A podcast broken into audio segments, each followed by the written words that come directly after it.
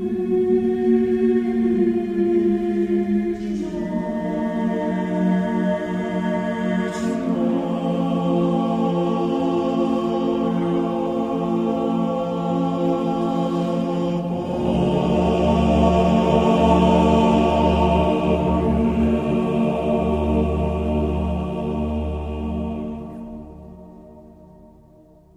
Ćao svima, slušate dopise iz Disneylanda, specijal o Černobilu, dopisi iz Černobilja ili Černobila, kako već. Odnosno, ovim počinjemo naš Gans novi projekat samo seriozno. Će neko od vas dvoje da ovaj kaže o čemu se radi. Usput, ja sam Miljan. Ja sam Isidora. Ćao, ja sam Nemanja. Pa skapirali smo da nam ovaj Pa ne, da, da li da kažem neskromno da nam dobro ide? Da je nama super. Da je pa, nama to zabavno. Kažem, da je to nama je ključni lijepo. faktor. Mi se skupljamo, družimo se, nešto se popije, nekad padne neka klopa, provedemo to. kvalitetno vreme zajedno, imamo prilike da trtljemo mikrofon i da budemo pametni. I ko želi da se odrekne takvog nečeg sad kad je Gemotron gotov? Mnogo, ovaj, mnogo lepih momenata smo proveli uz Game of Thrones mnogo dobrog ovaj dobrog feedbacka, dobrih povratnih informacija smo dobili od naših eh, slušalaca, lepo smo se družili, lepo smo se nagrađivali, na kraju smo i uživo se ovaj organizovali e, i istrčali pred našim. To moram da pozdravim ljudi koji su došli da nas vide uživo, Absolutno. pošto je bilo zaista čudno vidjeti sva ta nepoznata lica koje se ponašaju kao da se znamo godinama i da ona svako jutro pijemo kafu zajedno posle epizode Gemotrona. Ako nekada ovaj mi podignemo ovo na neki viši nivo, zamisli recimo počnemo da radimo neki jutarnji program, tako mislim da će to da bude naš ono community, da će ovo da bude ono srce naše zajednice, buduće ovi drugari koji su ovaj koji su nam eh, neke čak i poklone donijeli i, i, i častili nas i ostavljali onako divne komentare, investirali, slali nam mimove, slali nam uh, ludila i jednostavno ovaj pružili nam jednu dobru energiju i eto neskromno kažem ponovo neskromno zbog takvih ljudi ovaj ćemo uh, nastaviti da pratimo aktuelnu serijsku uh, produkciju, to jest produkciju vezanu za serije, pošto kao što sam ja rekao recimo na, na ovoj tribini, trenutno serije gaze filmove onako kvalita, e, u pogledu kvaliteta uh, baš onako solidno, tako da ovo sada smo odra, uh, izabrali nismo htjeli da miješamo sa Game of Thrones, mada da smo znali da će da bude ovakav ovaj dobar odziv publike na, na Černobilj, kako rekoše, 9,7 na 9,6, 9,6, Naravno da uvek padne kada ljudi da. izbinđuju, pa imaju malo i kritički ali dalje, stav, ali je na dalje mestu. na prvom mestu ubedljivom. Na IMDb-u, tako da, ovaj, tako da možda bismo radili čak i, ali to je već malo prenaporno, ali juče se serija zvanično završila pet epizoda, mini serija u koprodukciji Skaja i HBO. U svakom slučaju, prije nego što počnemo na uh, čerečenje Černobilja, a, opaska, a, velike projekte kao što je Westworld, kao što će verovatno da bude po koja ambiciozna serija, ćemo raditi i dalje a, epizodu za epizodom kada to bude bilo aktualno, a umeđu vremenu ćemo odabrati serije koje ćemo binžovati, bilo da su sa Netflixa, bilo da prosto nam se može i onda raditi specijale na tu temu. U svakom slučaju nećete nas se otarasiti tako lako i dalje smo tu i dalje trtljamo i dalje trajemo duže nego epizoda i tako dalje. Um, ja i dalje mislim da je pametnije sa Černobilom, Černobiljem, kako već ćemo da, da kažemo, zvanično je Černobilj. A kako sam čuo na ruskom, kad, kad kažu, čuje se ljo na kraju. Čuje se ljo. Ali ja ne mogu da pre, pre ne bregnem to lo i gotovo. Ja sam vidio čak i, ovaj, gledao sam neki dokumentarac koji je radio tip sa Al Jazeera Balkan, Balkans, ovaj, Al Jazeera Balkans i otišao je u ovu zonu is, isključenja, to jest zabranjenu zonu, exclusion zone, I tamo ima uh, saobraćajni znak na kojem piše Čornobilj što je da li Rus, mislim, generalno... Ukrajinski možda. E, uh, uh, Černobilj se nalazi na granici Ukrajine i Bjelorusije, tako da moguće su te neke, nisam baš ulazio u lingvističke uh -huh. ovaj, zanimacije, neke druge sam ulazio, ali pričamo o, znači, Černobilj pričamo o događaju iz 1986. godine iz 24, 26. april kako kažu, 0, 1, 23, 40. U 1, 23, 45. I 45 je eksplozija, a u 1, 23, 40 je počelo sranje. 5 sekundi je onih koje je gospođa Uljana Homjuk proučavala. 40 je počelo sranje. Znači, Tek sam shvatio da je ona Uljana. Ovaj, um, kada je pri, prije par mjeseci HBO kada je prije par mjeseci HBO objavio trailer, ja sam odmah tad bio fazonu ovo mora se gleda, jer meni je e, ostao hoću da time zapravo počnemo. Ideja Černobila u glavi kao nečeg mnogo strašnog, nepoznatog i zbog čega meni roditelji nisu dali da idem napolje da se igram. 86. majka mi je bila trudna i sjećam se, vodila me kod frizera koji nije bio daleko od naše kuće i sjećam se frizer kako je govorila, ah, radioaktivnost, radioaktivnost. I sad negdje sa današnje tačke gledišta, kad znaš malo više o radijaciji, razmišljaš, pa brate, ko da je to što nam nisu dali da izađemo napolje, moglo zapravo nešto da pomogne. Mm, Zapravo zanimljivo. Ne bih se Da. toliko zaletala sa time. A, moje sećanje na Černobil, zapravo ja se toga ne sjećam kad sam bila mala, imam neke potpuno drugačije asocijacije. Kad sam vidjela trailer, naravno da sam i ja pomislila, bože, bože, ovo mora da se gleda. Jer moram priznati da je delovalo od početka kao jako dobra rekonstrukcija Istočne Evrope, na što sam slaba jer udara u neke jako čudne dugmiće nostalgije da ti istovremeno i užasno sve što vidiš, ali da ti izaziva neku žal za mladost i čežnju za detinjstvo. Apsolutno, apsolutno. A od starta se videlo da su produkcijski jako dobro istražili domaći zadatak do te mere kako izgledaju tapeti i namještaj i frizure. Zidni satovi i ti... I ti satovi i tako dalje. Znači, to- frižideri. tu se bilo fazonu, ovo mora da se gleda, ali me iznenadilo koliki je viralni odjek to našlo u široj populaciji, gde mislim da im se e, tako to posrećilo se tajmingom, jer su naleteli kao kvalitetna serija u trenutku kada je 90% čovečanstva mrzelo na Game of Thrones.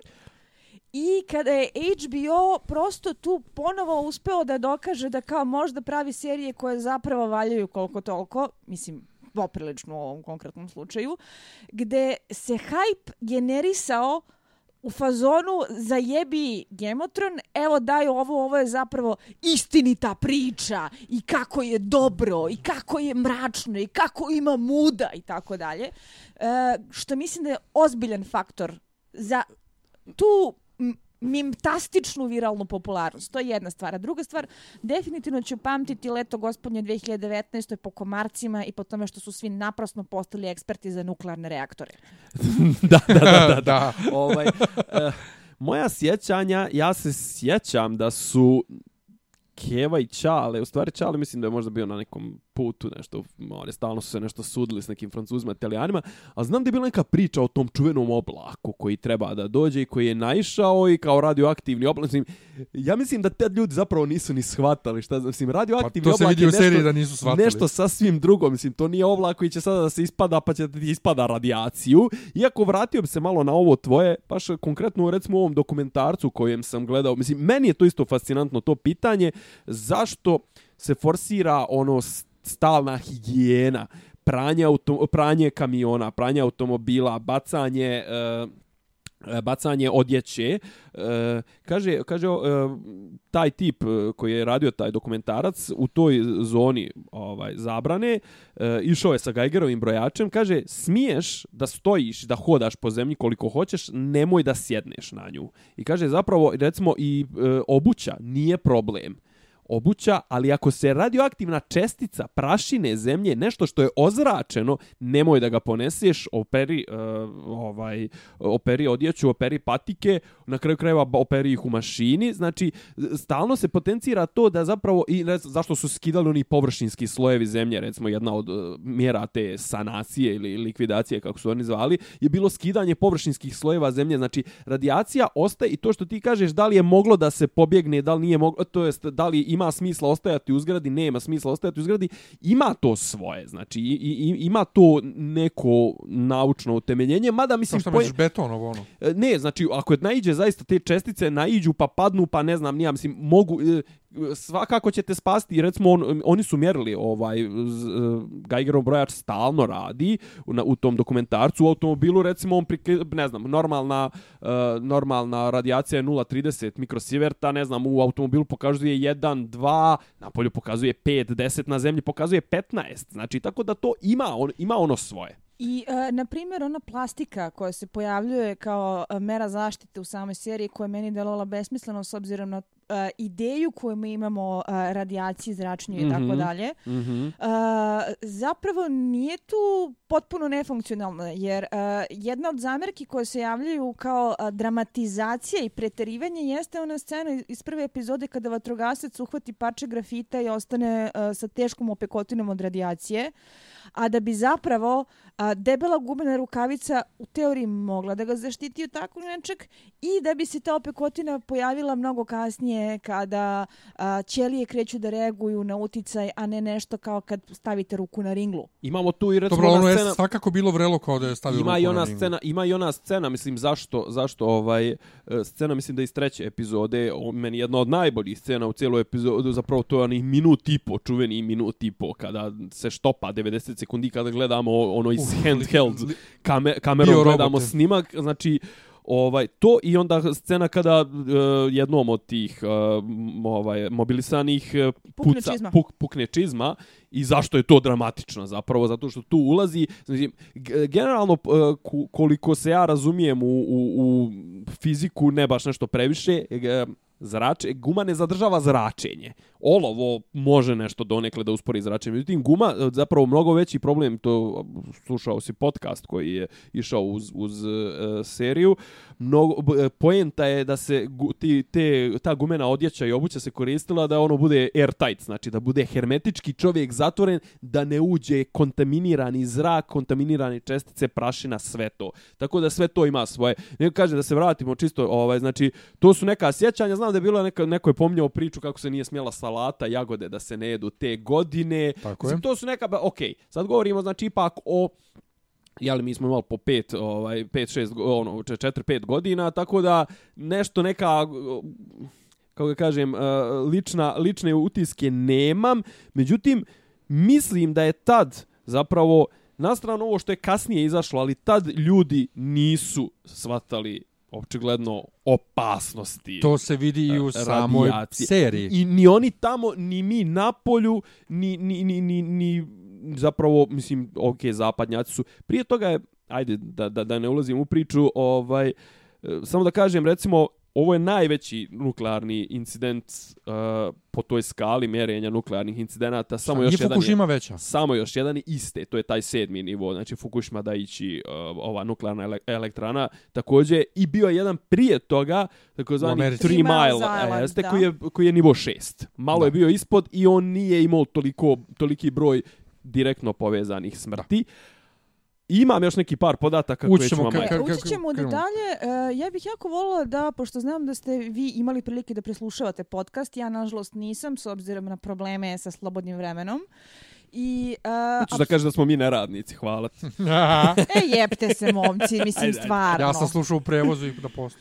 Oh. A, Ja sam- ja sam na kukala trčanju. baš da mi je problem što uh, radim tu vrstu posla koji zahteva verbalno procesuiranje jer je to u principu usmeno prevođenje gde prosto ne mogu da se Radiš bacam još nešto drugo. na Imam, Da. reč. imam, imam reči. pitanje za tebe, imam pitanje za tebe. Ti si, ti si binđovala seriju, mi smo gledali, zato smo mi mogli da slušamo podcast, realno, zato što smo ja i ti smo to, ovu seriju gledali tokom pet sedmica, je li tako? Mhm.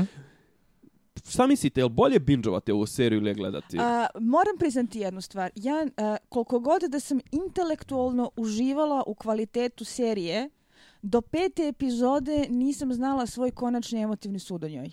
Što je možda čudno da se kaže, jer e, je hype bio takav da je već negde od druge, treće epizode počelo da se priča da je ovo najbolja miniserija svih vremena. Od treće. ja, imam, ja imam problem, drugi problem emotivne prirode, mislim da ova serija možda ni ne može u cugu da se gleda iz prostog, iz prostog intenziteta emocija Da, koje, nisam, koje izaziva. ja nisam imala problem taj uopšte. Ozbiljno? Uopšte. Ja, znači, ja sam je stukla, evo, od subote, u subotu sam počela, mi snimamo danas je sreda. Pa dobro. E, ja sam danas popodne pogledala petu epizodu kad sam se vratila s posla.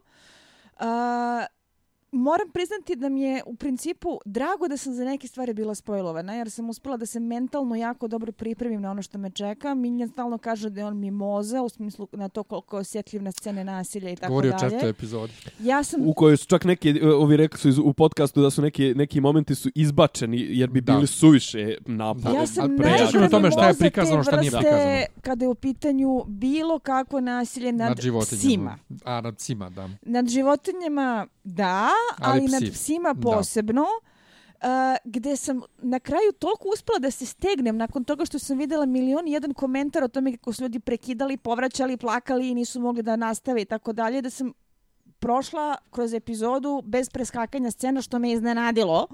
Imam, imam objašnjenje za to. Mislim da je taj dio malo onako čak i filler, a i zapravo... Nije, e, naj, mislim, taj, taj, Nije filler. Nije, nije filler. A, Mislim, to je ja epizodica, svoju u epizoda u teoriju- epizodi. Ja imam svoju mislim. teoriju svakako. zašto su oni udarili na te pse, ali Dobro. možda bi to mogli da ostavimo Ajmo- za ajmo sad, ajde citiranje. krenemo, Ali samo da završim tezu.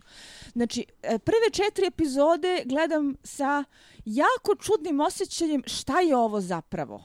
Šta ja zapravo gledam i ako je uh, tagline kojim forsiraju seriju šta je cena laži, a sve vreme gledam uh, američko, britansko, ukrajinsko, litvansku koprodukciju o užasima Sovjetskog saveza, gde koliko god da ti polaziš od toga da su svi užasi prikazani vrlo uverljivo, da su bili užasni i da možeš da apsolutno prihvatiš da ta država tako funkcioniše, negde ti neki crvić govori o tome da su to ljudi koji možda imaju neku vrstu čutnih ideoloških predrasuda i da to nije baš sasvim košer. E, kad ćemo da uđemo u to? Da je I kad ćemo da uđemo u ovo peta pitanje? epizoda, Čekaj, do, kad dođemo da do završim rečenicu, peta epizoda koja a, otvoreno dramatizuje i otvoreno i u podcastu, i u intervjuima, i u svom pratećem materijalu, i čak ti je jasno da to nije šlo tako, kaže, ok, ovo je televizija, ovo nisu činjenice, meni to kliknulo dovoljno da mogu da imam taj otklon i uh, koji mi je bio neophodan da kažem ne gledam istorijsku rekonstrukciju, nego gledam metaforu. Ja bih ubacio... i, Sam, I tu mi se složila serija. Ako hoćete, evo čisto jedna, jedna, jedna ovaj napomena, možda ovaj, ako ubacit ćemo u show notes. E, dokumentarac koji sam ja pogledao, a koji je, mislim, bio jedan od izvornih materijala za ovu seriju, je, mislim, iz 2011. produkcija je neki kanal ton, ili nemam, pojma, neka ukrajinska neka. Američko ukrenje, Woodpecker. Ne, zove se uh, Černobilj 3828. 3828 je broj onih uh, tipova koje su izveli na vrh, Na- na vrh, kat- na- e, maše. Na, Na, na mašu. Na, Bio na, robota. Bio roboti, bio robota, ali neki od, snima, neki od snimaka, znači to su autentični snimci onog generala koji im drži ovaj govore, ono čuvene, odatle potiče priča o, o korpi za jaja. Bukvalno u tom dokumentarcu, znači ko hoće da pogleda, baš ne traje puno, možda 20, 25-30 minuta, znači neke od snimaka su bukvalno shot by shot kopirani taj dokumentarac. Niko ne spori da je taj uh, domaći zadatak proučavanja materijala izveden minuciozno. Uh, vraćamo se na te detalje vezane za samu produkciju, na primjer kostimi za Jareda Harrisa i za Stellana Skarsgarda. Su rađeni tako što su oni uspevali da nabave tekstil iz 80-ih iz Istočne Evrope koje je tako trulio po nekim magazinima kako bi to izgledalo što ubedljivije kao ta trevira od koje su pravili taj taj štof. Znači, a, e, kupovali su polovne a, ventilatore na rasprodajama po Poljskoj kako bi imali te osjećaje istočne Evrope i a, I je li tebi zapalo za oči, o, to, to, scena mislim da je suđenje i oni matori ventilatori koji na stolu Znaš što je meni sjede, zapalo za to oči? A, kada a, ulaze u bolnicu i oni oljušteni zidovi i ona masna farba do pola, to me je tako podsjetilo na stanje u našim kliničkim centrima da je, da Koje je je sad to, trenutno koje je sad tako. tre- da, je- da je Da. to bolelo. Znači, ta istočna Evropa diše. Nego, ajmo- Aj, ajmo ljudi tema- da krenemo iz početka. Ne, ne, da li temati, pot, mislim, ima tu par osnovnih tema Ne, ove ima, ali- serije. ali ajde da- da- Hoćemo, ovo- hoćemo po temama ili ćemo Pa hronološki? vidjet ćemo kako će, A- ali ovo je svakako sve bio e, e, e, e, prolog. Tako je, tako je. Jedan prolog.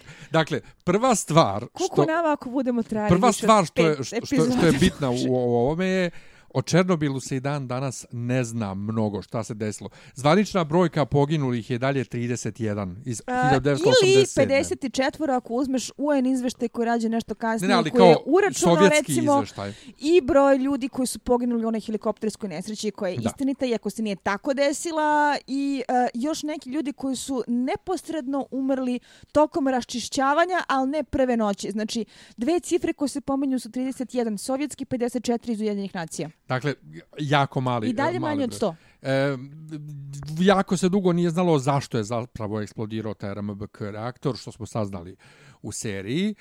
Um, zašto je ova serija ovoliko dobra i ovoliko koherentna i ovoliko pa i pitka?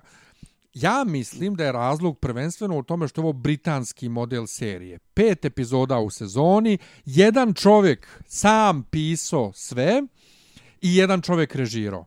Dobro. A, apropo toga, uh, ubo si jako dobro pitanje, pošto je upravo uh, to nešto o čemu sam ja želala da govorim. Craig Mazin, koji je čovjek koji stoji za celog ovog projekta, njegovo je čedo, on je pisao, on je ono showrunner, smislio celu tu priču, je neko kome kada pogledate ime da karijeru, da se uvatite za glavu. Jer je u pitanju čovjek koji je radio uh, scenarije za hangover filmove i specijalista je za tu odvratnu cringe komediju koja je meni najneprijatniji mogući izvor humora do te mere da ja ne mogu to da gledam.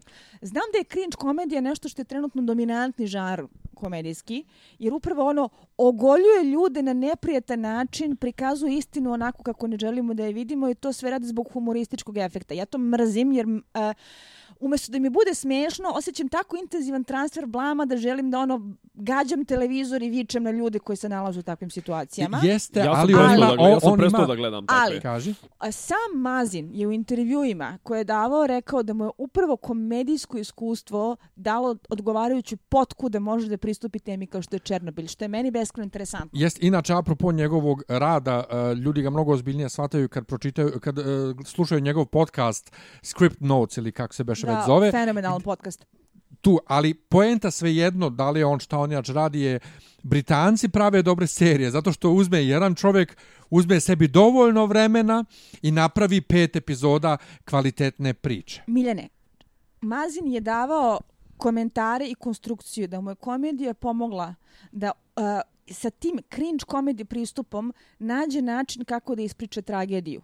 Jer je znao šta čini, koja vrsta ogoljene neprijetne istine čini da se ljudi ono meškolju u sjedištima i da a, spoznaju u sebi nešto što možda ne žele da tako izvuku na površinu, ne žele da se sa time tako lako suoče. Meni je to bilo jako interesantno u tom njegovom intervju, jer upravo ona vrsta komedije gde se on dokazao i ispekao zanat i koja je meni neprijatna, je ovde dala te neke rezultate da govorimo o razotkrivanju i dekonstrukciji jedne tragedije na takav način. Šta, šta će na ljude da ostavi utisak transfera neprijatnosti i spoznavanja istine? Pod jedan. Pod dva, to što si ti rekao, britanski model. Sam Mazin je upravo u tom istom intervju napomenuo da uh, je najveći strah komičara uh, čutnja publike koja je dosadno. Mm, da. Uh, da su oni izvorno imali čak i veći broj epizoda i duži scenario, a da je on shvatio primjenjujući isti efekat uh, na komediju, kako treba da tempiraš viceve, kako treba da tempiraš smeh, na tragediju, kad treba da daš predah, kad treba da ubaciš malo crnog humora, kad treba da ono daš ljudima da udahnu, upakovao seriju na takav način kao što je upakovao. Možda ima neke veze britanski model, ali Mazin je vrlo dobro znao šta radi, gdje dolazimo do tog Naravno, ali u tome... dramaturškog momenta kako a, po mom mišljenju loša komedija fiduje dobru tragediju. Ne, ne, ali o tome se i radi svejedno šta je, da li zovi to britanski, možeš reći, jedan čovjek sa jednom jasnom idejom je seo i napisao. Znači, nije e, soba scenarista kao u američkoj produkciji i pritisak televizije da mora da se završi tatar. Ne, jedan čovjek i jedan režiser. Ne, okay, Zato je ovoliko koherentno. Mini, mini serija je stvarno Pazi, ovaj, a, dobar ima i format, drugih mislim. miniserije koje imaju fantastične formate. Recimo, moj omiljeni TV projekat iz poslednjih nekoliko godina koji ne mogu dovoljno da preporučim ljudima, iako imam utisak da je dosta prošao ispod radara, je Feud. To je priča o tome zašto su se mrzele Betty Davis i Joan Crawford. Ali, eto, osam epizoda, početak, kraj, tema, božanstveno, Pa dobro je tako Ameri dalje. American Crime Story isto. American Crime Story, isto je Ryan Murphy, ista škola. Da. Znači, možemo Pa dobro, mislim, bio je onaj blog show a hero, E, ja možda bih nije se više fokusirala na a, prednosti miniserija kao nečega što ne pati od onog seasonal decay sindroma kao većina serija čiji je cilj da traju što duže, a samim tim uleću paradoks. Ako je dobra, TV mreža želi da traje što duže, što duže traje, to je manje dobra i na kraju svi pamte po ono, momentima kad je preskočila i kulu, da se izrazim Da. se TV tropa. Mm. Nego je... e, Fonzi. format miniserije koje ti daje više prostora da izložiš i teme i karakterni razvoj od klasičnog filma, koji ti daje a, taman onaj pristup gledaocima koji ti je potreban, možda je ono što je u ovom trenutku uh, najkvalitetnije što se tiče rezultata. Ne Ali- bih to toliko vezivali isključivo za britansku produkciju. Ali ova, Ne, ne, o- e, jedan, mislim, o tome, jedan čovjek, znači, bez upliva milijardu znaš, drugih znaš gdje ideja. se to još vidi? Vidi se po tome što se E, tematski nisu rasplinjavali. Imaju oni, znači, bilo je tih par epizoda tipa, mislim, epizoda unutar serije, u smislu e, pod zapleta Pavel, likvidator, koga gledamo samo jednu, jednu, pola jedne epizode, četvrte, ovaj, pa ne znam, e, kad pratimo priču o nesretnom vatrogascu, koga, jeli, vrlo brzo izgubimo iz vida, pa malo pratimo njegovu ženu, ali zapravo e, osnovni neki, osnovnih par teza, to jest osnovni par tema koje pratimo, to je ponašanje države, odnos države i ovaj trougao e, Čerbina. Harris, Harris, e, Watson i ovaj Skarsgård.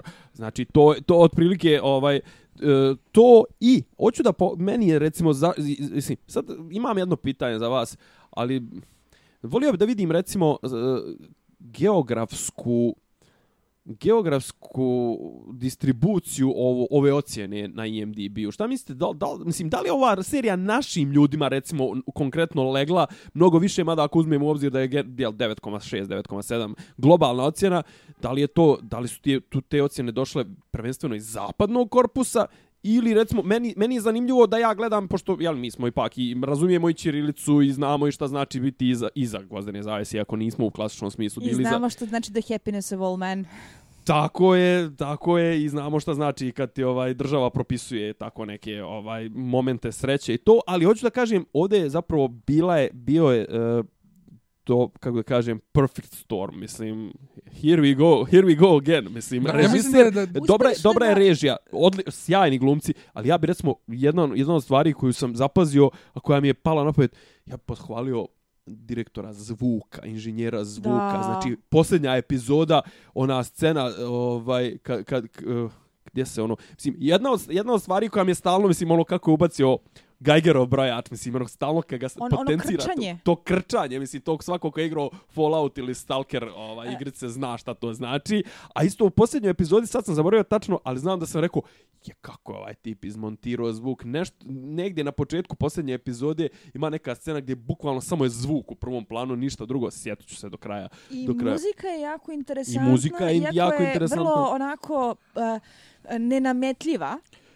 Kompozitorka Hildur Gutrandir, mislim da se zove, moje godište, gle čuda. Ako je Ovaj, Islanđanka, onda mora biti neki dotir. Islanđanska, Islanđanka je Čerka od 82. nekoga. godište, živi u Berlinu, čeliskinja inače, Mhm. i ona je tražila zvukove prave zvukove reaktora da ih uklapa i nije htjela klasičnu muziku koja, um, koja ti diktira emocije, nego je htjela um, da muzika prati okoline. emocije emocije iz ko- koju ti serija sama nameće. Moguće da je ona onda to, to možda je taj tip, tipa zvuk reaktora ili tako To nešto. 100%, 100% Verovatno njeno na to mislim u petoj epizodi. Znači, baš je onako perfect To storm, znači ovaj, odlični, odlični ovi, kako se zove, kostimografi. Ljudi, mislim, čit, u, u priči o, o, o ovome, u podcastima, priča tak čik, tip koji je asistent producenta, priča traženje lokacija, traženje tih nekih momenata, e, tog e, rekvizita, mislim, zaista posvećenost detalju. Sticajem okolnosti, ja sam imala prilike da posredstvom mog najboljeg druga koji je, uh, uh,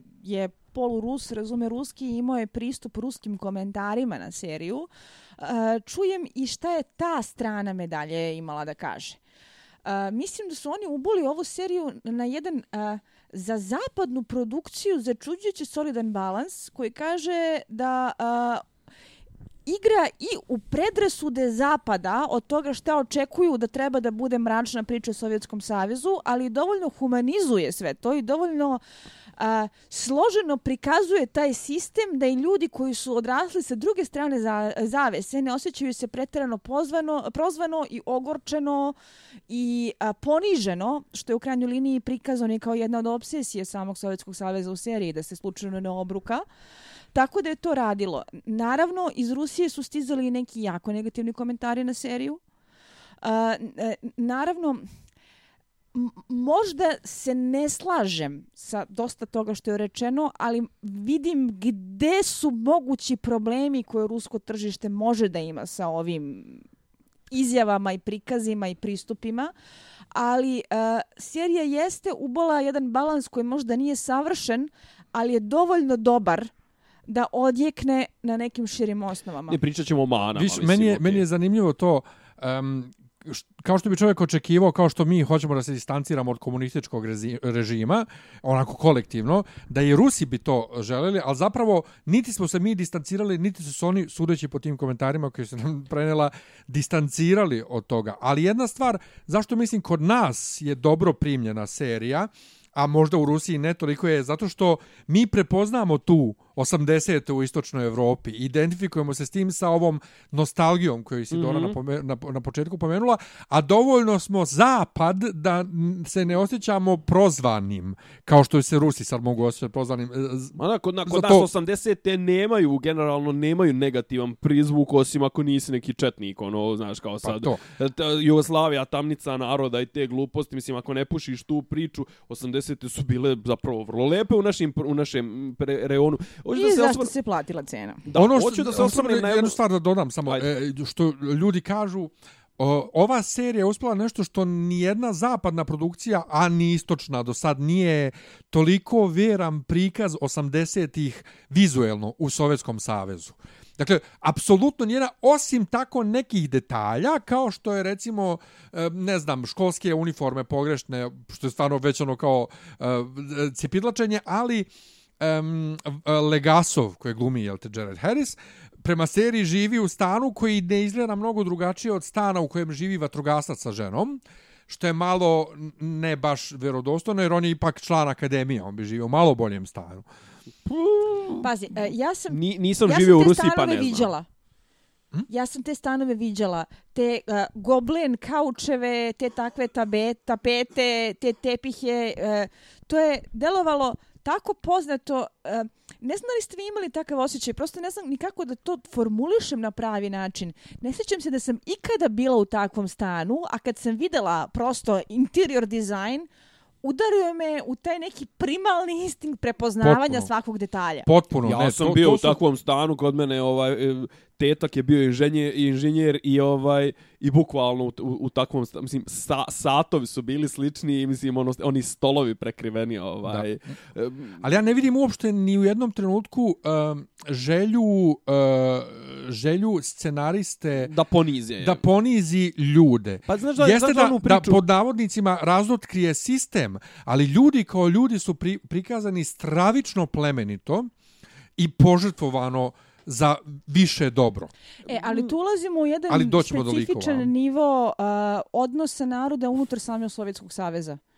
Uh, ovo se ipak dešava u Ukrajini, gde uh, su protagonisti glavna dvojica Rusi, jel te, ali isto tako imamo i uh, Beloruskinju koja je tu kao izmišljeni lik u kome mislim nema svašta da se kaže, ali ostavit ćemo to za malo kasnije, uh, gde uh, su opet i ti odnosi unutar samog Sovjetskog saveza i kako se to pamti u Rusiji, naspram toga kako se to pamti u Belorusiji, u- dobro, Belorusija priča za sebe, ali u Ukrajini, u Litvaniji gde uh, to je Snimano. snimano, dosta je sve to delikatno kao balans. Jel da? Meni je E, recimo ovo što ti kažeš nisu ponižavali. Dobra mi je ovaj Dobro mi je ono objašnjenje iz prve epizode podcasta zašto, zašto se nije išlo sa ruskim glumcima i To je zašto se nije išlo sa, sa ruskim, Ruskim akcentima. akcentima i to sve. Meni, je, meni se to zapravo sviđa. Znači. Isto. Meni se to isto jako sviđa i apsolutno stojim iza uh, takvog pristupa. I uopšte mi ne smeta što imaš ćirilične e, natpise i oni drže knjigu na ćirilici, a pričaju čist britanski. E, gde onako, imamo jako ima interesantan smisla. moment, na primjer sa uh, Fares Fares glumcem, koji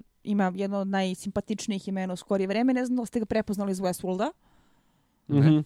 Aha. Ja sam lovio samo Gemotron glumce, A, doći, ćemo dobro. do njih. Uh, Fares Fares igra uh, druga bačua iz Južnih republika, Bačo, da. koji se pojavljuje u preminentnoj ulozi u Af- četvrtoj Afganista- epizodi. Afganistanski veteran. Jeste. A, pa jeste, prepoznao sam ga, sam se sve ne pitao dakle ga znam. Westworld, tako je. Ja sam mislio da je neki A on, je zapravo libanski Jermen. Glum, on je limanski Ne- ne, glumac mislim, koji igra Jermenina. Jermenija u, u Ali je fora što tačno ti glumci koji su importovani iz drugih sredina, koji dolaze sa sopstvenim akcentima, vrlo ubedljivo prikazuju Sovjetski savez koji se sastoji iz dosta neruskih država i ako on govori sa akcentom ti možeš da zamisliš da je njegov ruski onako malkice drugačiji na Štrči, uvo. štrči. Malkice štrči. Jeste. Da. E, e ajmo sam, samo kratko o glumcima. Dakle, glavnu ulogu Valerija Legasova glumi Jared Harris, inače sin Richarda Harrisa, Dumbledora, Stellana Skarsgårda, ne moramo uopšte ne pominjem, Emily Watson, Ste znali da ona inače trebala da bude Amelia Pullen? O, da, se, da Bože. se lik zvao Emily. A onda ona odbila, pa je onda dobila ova francuskinja i onda je promijenjeno u ova a, Amelie. A ona je inače isto bila prvi izbor za Elizabetu pre Kate Blanchett. ovaj, nju inače često mešaju sa Emmom Watson, pa ona se ne buni, dakle E, Hermiona. ja sam malo pre čak i vama rekla da prvi put kad sam čula za seriju neko rekao, a igra i Hermiona. Pa da. O Bože. A, Dobro. i- ali i lik je totalno Hermiona. Paul Ritter, odvratni ovaj, eh, Djatlov, Da. E, njega najšira publika zna iz uh, Harry Potter and the Half-Blood Prince. I Adrian. Rollins Fomin, jedan od šefova nuklearke, znači ne slavoljubi slagalice, nego, nego onaj drugi. Ne, ne, da. Nego onaj drugi, Da, da, da, da. to je James Potter. On je A- glumio Jamesa Pottera u svim Harry Potter filmovima. Ali, Znači, ali, ali su Slavoljub, ekipu- Slavoljub, Slavoljub i slagalice ovog direktora Brihanova su bukvalno skinuli Ja, kako izgleda, uživo je, kao da kao, su kao ga teleportovali. Znači, bukvalno, znači kao da su o, hologramska projekcija. Znači Da. fe, njega, njega su skinuli jedan kroz Što se jedan. tiče Znači, glumaca, moram da kažem ovako pred svima da sam ja malo neobjektivna kada je u pitanju kapacitet Jareda Harrisa, jer mi je to jedan od uh, najomiljenijih podcijenjenih glumaca. Uglavnom se svodio da po velikim filmovima igra neke bizarne sporedne uloge. Tek je nedavno u serijskim produkcijama mogao da dođe do izražaja. Recimo, ako je neko imao prilike da gleda The Terror kao horror seriju od prošle go- e, godine, koja je- Spremamo se. Uh, meni je bila fantastična, a možda bismo mogli da uh, Post podcastujemo drugu sezonu Aha, koja može. kreće u avgustu. Mislim da će ti se dopasti tematika Nemanja za Danas, razliku danas od... sam sa drugarom, sa Tarabićem, našim prijateljem, ovaj, on me upravo pitao da li sam gledao, rekao nisam, E. kaže, ja kaže krećem, a paralelno čitaj knjigu, tako da ću Ko verovatno to sluša da... Teror je apsolutna preporuka, tu me ulda i do zore me tuci. A, što se tiče druge sezone, Prihvatam. avgust, a, setting je Pišemo. Kampovi za japansko stanovništvo u Americi tokom drugog svjetskog rata. Vidim ti zvezda u očima, da! pa taman da iskoristim sve čitanje knjige Transpacific uh, Taman na, na, da- na, re, Taman uh, da možemo da pričamo Oh, o tim lepim o- temama. No, da se vratimo. O rasizmu znači, preko Pacifika, ja The divim. Ajmo nazad Jaredu u Harrisu bio zone. jedan od onako a, većih momenta u karijeri. Ja sam a, nepristrasno slaba prema čoveku zato što je isti moj pokojni otac. U ovoj seriji konkretno ga bilo posebno čudno gledati jer je to kako ja pamtim tatu sa tim modelima iz 80-ih, sa tim ružnim socijalističkim naočarima, sa Da, tim komunistički frizurama. štih skroz. Ja sam morala da pauziram u par navrata koliko sam osjećala taj neki emotivni transfer. Ali je e, glumac sa strašnim karakternim kapacitetom za nijansirane uloge koje ne idu na prvu loptu, nego su likovi takvi da moraš da analiziraš u dubinu. Meni je čak, moram priznati, kao prva epizoda mi je bila kao, pa mogli su da kastuju nekog boljeg, ovo, ono, a onda mi je Mislim, rast, Umjesto njega. umjesto njega, onda mi je rasto i rasto i rasto. Ali on se i... u prvoj epizodi maltene ne pojavljuje. Pa dobro, kao nešto, mislim, ono, On je, uvod, on, on ti je framing to sve. device u prvoj epizodi. Da, da. Pr prva, mislim, ne, zapravo, prva kad, kad se pojavljuje, to je druga epizoda, kao, dolazi, mislim, okej, okay, ono, Skarsgora sam znao, znaš, ono, kao, mislim, generalno, on čovjek dominira, jel, ja sam slab na skandinavske glumce, opet s druge strane, ovaj, i on, uh, ono, i kao, ja, kao, kako će on da isprati, kako će Jared Harris da isprati? Ovoga Stelana, međutim, Ne, isprati njih ga je... se toliko, toliko drže da mi ne, da uopšte ne zamerim Mezinu bilo šta što je izmislio Što je u njihovom što je dopisivao u njihovom odnosu, odnosno to u petoj epizodi posle ovaj kad Što kad se dođemo tiče. Šerbine i uh, Legasova, uh, dramatuška odluka da njihovo to uh, awkward friendship bude okosnica cijele radnje, da ti gledaš kako se oni prvo mrze, pa se postepeno zbližavaju, dok na kraju imaš onu epizodu na kojoj sam ja plakala kao dete sa gusenicom u poslednjoj ovaj, poslednjoj epizodi, ta scena koja je zaista sjede da u te pukne kod cigla u glavu, jeste. Da, sa onim čudnim Mickey Mouseom Mm. po pozadini. A, mislim da je to bila jako pametna odluka jer a, igra zanimljivo na kartu suočavanja dva pristupa problemu, da na jednoj strani imaš Skarsgarda koji jako dobro igra partijskog šrafa, što bi se reklo. A, E, ali tu su malo griješili se u pravom životu. Samo da zna, ne, zato što Ne Ščerbina, pravom Ščerbina u životu, pravom nego životu je o- inženjer, uh, inženjer uh, saobraćajni. Znači, nije, nije, Duduk. Nije Duduk. A ne pričamo Ovaj. o pravom životu. Pričam Da, da. sada o dramatičkoj odluci. Okej. Da imaš na jednoj strani čoveka koji je naučnik, idealista, prikazan kao neko ko je živao e, kao stručnjak pod staklenim zvonom, tako da se do sada u karijeri i nije toliko mnogo bavio partijskim zadacima. Niti je primjećivo Niti je KGB koji primjećivao ga KGB, slijedi, jeste. jeste to. A na drugoj strani imaš čoveka koji je on, u onom e, zajebanom položaju da je na dovoljno visokom nivou da donosi odluke, a dovoljno nisko da je potrošan i da svi mogu da se seru po njemu. O, Zapravo njegova čak ta prava priča je tačno takva, on je neko, iz, nekog, iz neke selendre došao i ono tačno napredovo, Ščerbina je napredovo sitnim koracima po hijerarhiji komunističke partije, ovaj, partije eh, SS, SSR-a i došao do pozicije, on je zapravo u serije, on zamjenik e, predsjednika vlade u nešto što bi mi rekli I šef sada biro tako. za gorivo.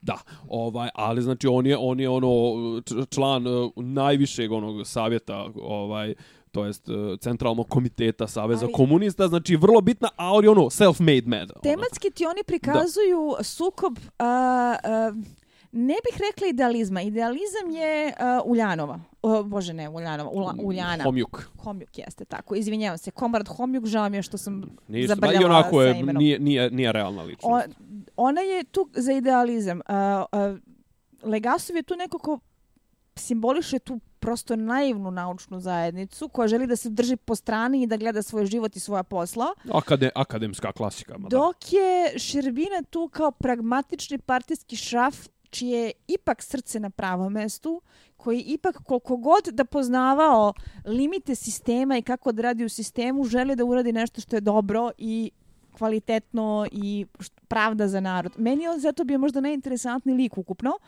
E, njihov odnos je fantastičan kako se gradi i a, da li ste možda gledali kad smo već kod zapadnih filmova koji prikazuju problematiku Sovjetskog saveza, a, stariji film Građanin Nix? Uje, čekaj, prepod... Znaš mi to poznato, ali... Podsjetnik. E, radi se o e, ekranizaciji lova na jednog od e, najučinkovitijih serijskih ubica svih vremena, to je čuveni Čikatilo, sovjetski kanibal, gde je glavna kvaka bila ta što je sistematski istraga bila ometana od strane vlasti, jer za boga serijski ubice ne postoje u Sovjetskom Jao, znam savezu tu priču, koji je priču. kvalitetna država Da, da, da, gde da, smo da, da. iznad tih bolesnih poimanja ljudskog roda. Zašto to pominjem? A, zato što je to jedna od tih prvih produkcija kada su zapadnjaci pokušali da naprave istočnoevropsku priču a, gde je snimano u Mađarskoj također sa jako ubedljivom rekonstrukcijom a, sovjetske provincije a, gde a, e, Steven Ray kao omiljeni glumac Neil Jordana a, igra glavnu ulogu kao inspektora koji uporno pokušava da uvati ubicu svega ga ometaju, a Donald Sutherland se pokazuje kao a, sovjetski general i šraf i neko ko je na visokom položaju, ko jako dobro kapira kako partija funkcioniše, kreće se u okviru zadatih parametara i zadatak mu je da čoveku koji radi pravu stvar iz ideala obezbedi dovoljno prostora da može da radi svoj posao naspram države koji ih jebe obojicu. Š- Što bi rekao neko... Mene je taj odnos strašno podsjetio Pe- na o, Šerbinu i Šervi- Legasova. Šervina je personifikacija tog sistema što što je neko ne, negdje, ne, negdje je neko to rekao za ovo. Ovo sranje u Černobilu moglo se desiti samo u SSSR-u. Znači samo u SSSR-u je moglo biti to tog nivoa ajde neću da kažem javašluka, ali tog odnosa da kao m, ide se sa jeftinim rješenjima, ide se sa tim bez, no, ne razmišlja se o posljedicama na okolinu, na ljude i to sve. Međutim, isto tako ovo sranje o, na ovaj način, i to jest kad je izbilo i izbilo u, ovom, u ovoj mjeri, samo SSSR je mogao da ispegla sa svojim odnosom prema tim istim ljudima i to je sa tom svojom hijerarhijom i Sa sa odnosom tom ljudi. moći, odno, jeste sa, sa tim polugama moći, a Ščerbina je upravo personifikacija toga, znači on je on je ono partija, znači uradit će što treba. Ali vidiš tu-. Ne, ne, samo tu imaš malo, znači nije samo poluge moći, nego odnos ljudi prema državi. Dakle, I odnos države kad, prema ljudima. Kad Ščerbina uh, prijeti Legasovu da će da ga upuca. To je dosta nerealistično jer toga nije bilo. U Sovjetskom savezu kažu, baš sam danas čitao neku kritiku, nisi morao ljudima da su jednostavno radili stvari za državu. Znači, to je... E, i, ta, a, do kritika, ta, do kritika scena ćemo. služi kao dramatizacija odnosa u smislu Naravno, koji ćeš mi naravno. kurac ti, ja sam ovde završio zato što ne želim da budem tu. I Šerbina je čak i prikazan kao antagonistički lik sve do onog momenta kada ne vidimo da je on zapravo u razgovoru sa ovim Fominom i kako se već... Bruhanovom. Bruhanovim, da koristi stvari koje je njemu e, Legasov rekao u helikopteru uh, kao ono, znam ja za jadac, nećete me zajebati, Da. ajde da mi ovde rešavamo stvar umjesto da mi vi prodajete bajke. Da. Da. Nego, pre nego što se bacimo malo baš u krtinu serije, ja bi da još malo meandriram, e, ima pa relativno mnogo glumaca iz Igre prestola ovde. Uf. Imamo Donalda Samtera u prvoj epizodi, Meštar Luin, inače, Mhm. iz Winterfella. On je ovde Zarkov, onaj... Um, Onaj što lupa matori, štapom o pod i drži Matori, govore da. na On- temu on revolucije. kaže baš- On je, jednu on je, super- on je uh, lokalni, uh, to jest on je stara garda lokalno, komuni, ko- lokalne komunističke Pa partije. da, on podsjeti Ćelije. prvo da se Černobil zove bla, Lenin i kaže, odsjećamo telefonske linije, sprečiti širenje dezinformacija, tako ćemo sprečiti ljude da podrivaju plodove svog rada. Znači, On je, on je To je personifikacija tog, tog, tog starog tog sistema. Mislim, to jeste malo ovaj preuveličano, ali jednostavno u, u, ovoj, u, ovom, u ovoj konstelaciji snage, u Recimo, ovoj, u prvih pet epizoda scena- nije se moglo To je drugačije. scena koju su uh, uh, ruski gledaoci uh, jako napadali. Mhm. Zato što se radi o nečemu što je očigledno prosipanje uh, uh, sovjetskih ideala onako kako ih zamišlja zapadnjački mali perica. Da, da, da, da, da, pa dobro, ovo je čitanje, američko čitanje. To je, to je vrlo moment američkog čitanja cele priče. Zatim Joseph Altin, inače Pip iz ovaj Noćne straže, on je ovdje onaj vojnik koji tera staricu ovaj, Sa kravom. Prospa mlijeko. Pa to i onda na kraju ubije kravu. Ovaj, inače, oni su imali... I to je dobra scena. Jako dobra scena. Jako krava, dobra scena. e, dakle, krava nije naravno ozlijeđena, niti je krava koja je naučena da padne, nego su imali nekakvu Prop. mehaničku kravu koja je jako realistično izgledala. I, su kaže. I onda su oni upravo rekli kako je na snimanju bilo mnogo tih absurdnih momenata koji su u samoj seriji, gledaš što je stravično, ozbiljno i sve, ali je ovdje tako bizarno, kao u redu, kao sad donesite lažnu kravu i sad ti stojiš, čekaš da oni nameste lažnu kravu da, da bi snimili tu strašnu scenu gde on njoj ubio kravu. I, ob, i obore kravu i onda je peglaju CGI-em. To. Za, zanimljivo je recimo sa tom epizodom za koju sam znala se bavi životinjama gdje sam ja bila toliko usrana od reakcije sobstvene na pse da je kad se sve sabere krava bila traumatičnija. Jeste, zašto je nekako, e, za- zato što e, nijednog što- psa ništa ne vidiš u- kroz odnos sa E, vlasnikom, a ovdje vidiš Da, kroz odnos sa upravo to. vlasnikom. Zato što se psi, e, psi pojavljuju relativno onako abstraktno izolovano, a ti vidiš šta je ta krava toj babi značila. Tako je, tako je.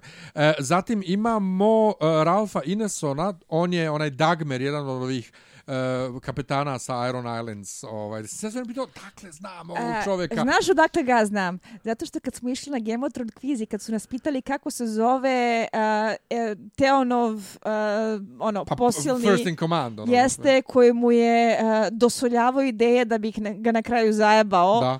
To je bio Dagmar. Da, on ovdje glumi e, generala Tarakanova i e, njegov govor... Znači, e, mi nismo znali te odgovore. Njegov govor koji on drži bio robotima deluje i to o tome Mezim pričao u podcastu deluje mnogo neskriptovano a zašto zato što je dobrim dijelom preuzet ovaj e, preuzet verbatim zato što postoji snimak dakle što smo rekli na početku u raznim dokumentarcima se koristi snimak bio robota koji čiste mašu Maša je jedna, je ono najgore, najgori... e, Najgori, slo, najgori nivo krova. krova, ova. tako je. Ovaj, I e, Imaju- sjećam se kad sam vidio posle epizode, kad sam vidio dokumentarac, i to izgleda potpuno isto. Či oni su to tako produkcijski dobro izgledali da to izgleda tako, isto, tako da je on super i Kažu da je njegov jedan očaj što prvo mora da šalje ljude, a drugo što je toliko ljudi izgubio. Inače tih 90 sekundi na krovu kad smo kod toga, to je ono koliko je čoveku za cijeli život dozvoljeno da primi radijacije.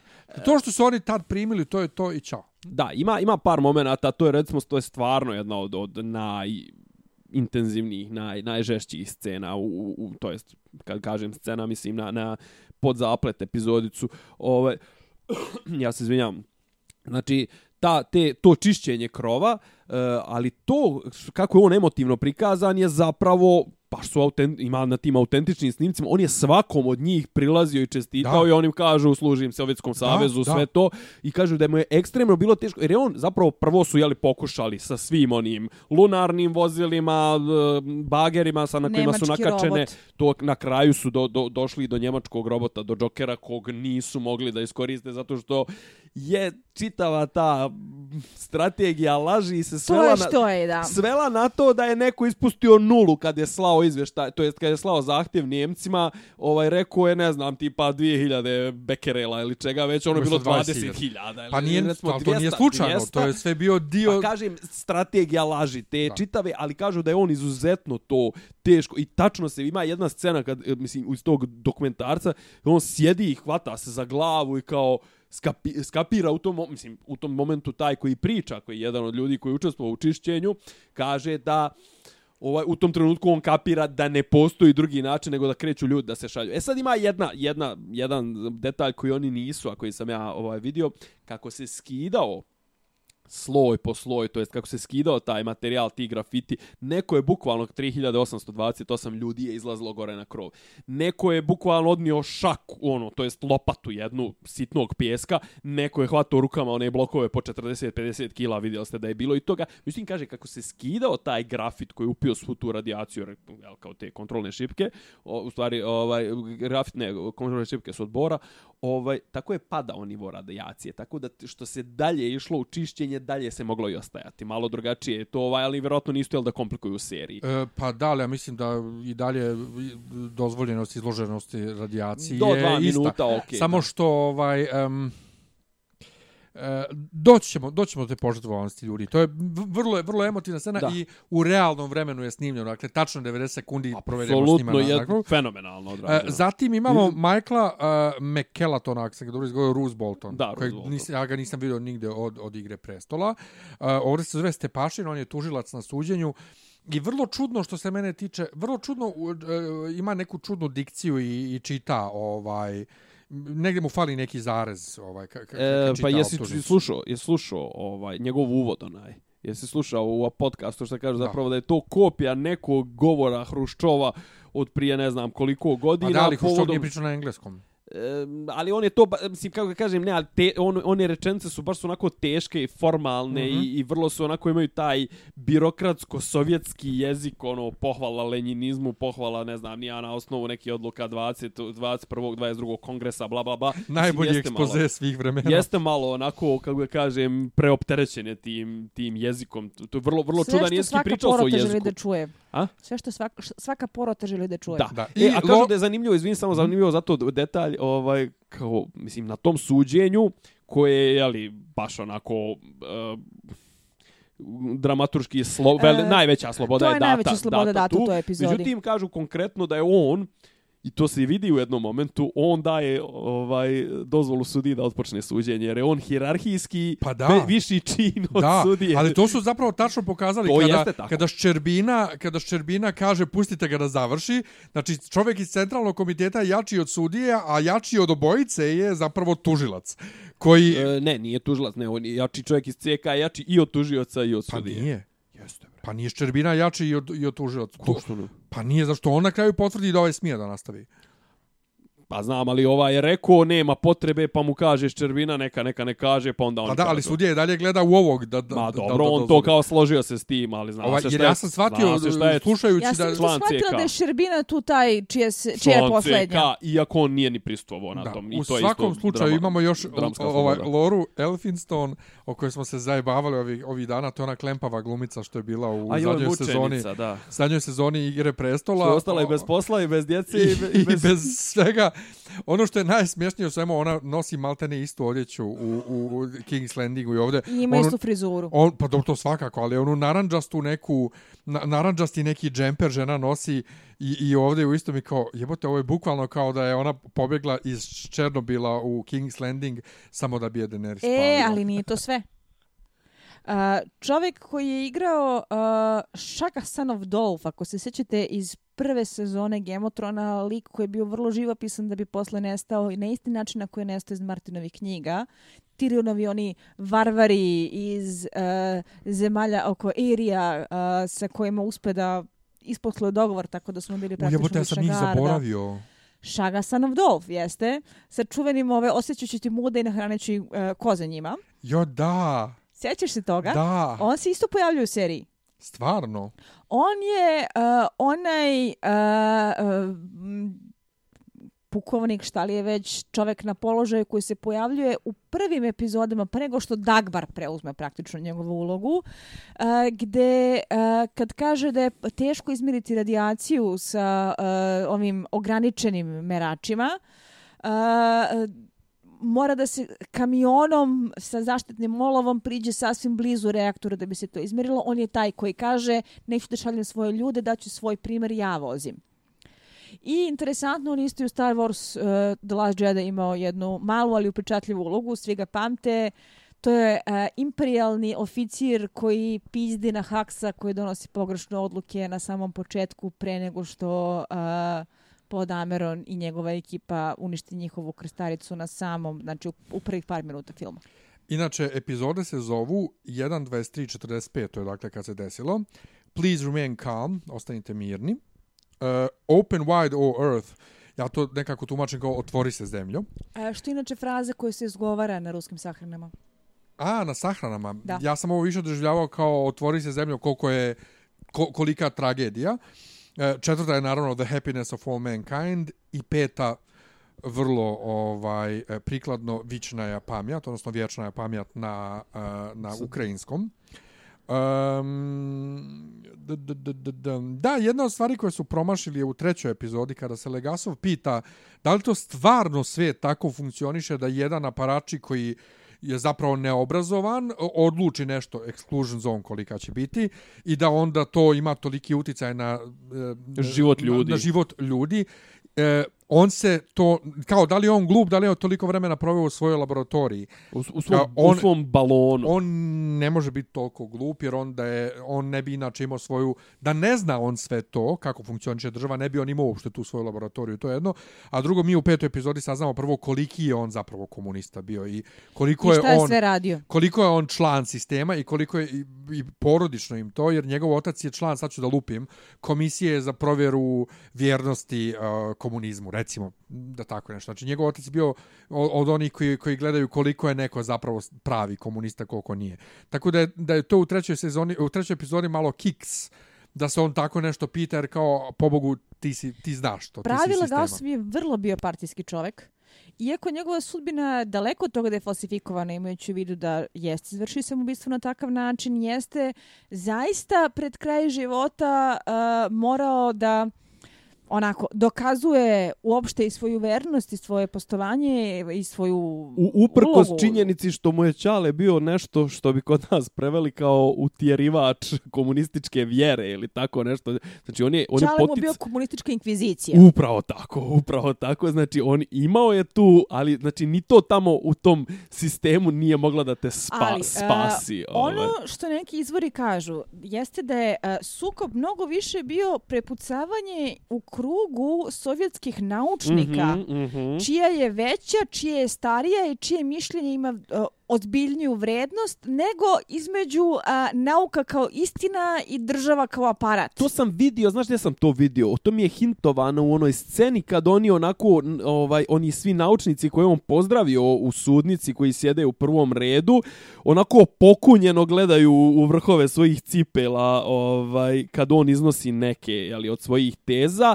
Mada ima i ona scena gdje zapravo mi vidimo da koliko god uh, uh, Ljagasov bio idealista, ima onaj moment kad, kad, kad, njega, kad njemu ova homjuku koja je možda još, kako da kažem, više kao svetica prikazana, Hermiona, kažem ja. ovaj, kad ga pita, pa ti si znao za postojanje ovog izvještaja, ona izvještaja gdje je sve zacrnjeno osim, ne znam, dvije rečenice i gdje je ona nesretna od svih eh, dokumenata koje je tražila, Dobije može da dobije, može da dobije jedan od deset. I od ti jedan od deset dobije ovaj dvije stranice od I bude thank you, komrad. Da, i bude thank you, komrad, ali znači on nije ni on tu, kako da kažem, nije on najčistiji. Nije on tu cvećka, ali Tako ono je. što hoću da kažem jeste da istorijski gledano taj konačni sukob mnogo više bio pritisak sovjetske naučne zajednice i industrije Mhm. na pojedinca nego taj sukob koji je nama serviran za dramaturške svrhe između idealiste naučnika koji se bori za istinu i pravdu i države koja je aparat koja se trudi da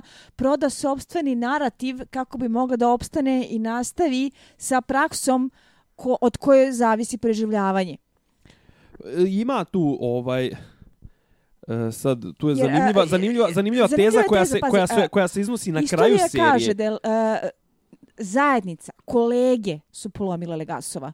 On nije bio na tom suđenju uopšte prisutan. Da. On jeste bio u Beču gdje je zaista izneo vrlo iskreno neke opaske, ali to što, e, kao što kažu, a, to je bio dovoljno inteligentan pristup da se priznaju greške tako da se Sovjetski savez onako a, deluje pred svetskom zajednicom kao da se pokajao. E, i... u čemu se on zapravo pokazao kao pravi Sovjeta? Zato što je on na međunarodnom nivou očuvao obraz državi, a unutar države se trudio Ali da se stvari unutar poprave. države, kao što uh, rekoh malo pre njega, je zajednica kolega. Jeste, zato polomila. što, zato što su bili suviše ono, Ne država. e, E, a pa recimo E, indoktrinirani. Ne zli KGB koji je ovdje prikazan pomalo kao s- e, tradicionalni zapadnjački Star- stereotip. Da, staromodni, da. A, a, tešim se time da se jako često ta vrsta a, duboke države, tajnih službi i raznih bija prikazuje na slični način i u a, zapadnim narativima o samom zapadu, zato što se ti Naravno. kao boriš za neku istinu, ti dođe neka cija i kaže, e neš, E, s tim što je meni neš zabavno kako ovdje u onoj epizodi kad je Komjuk uhapšena,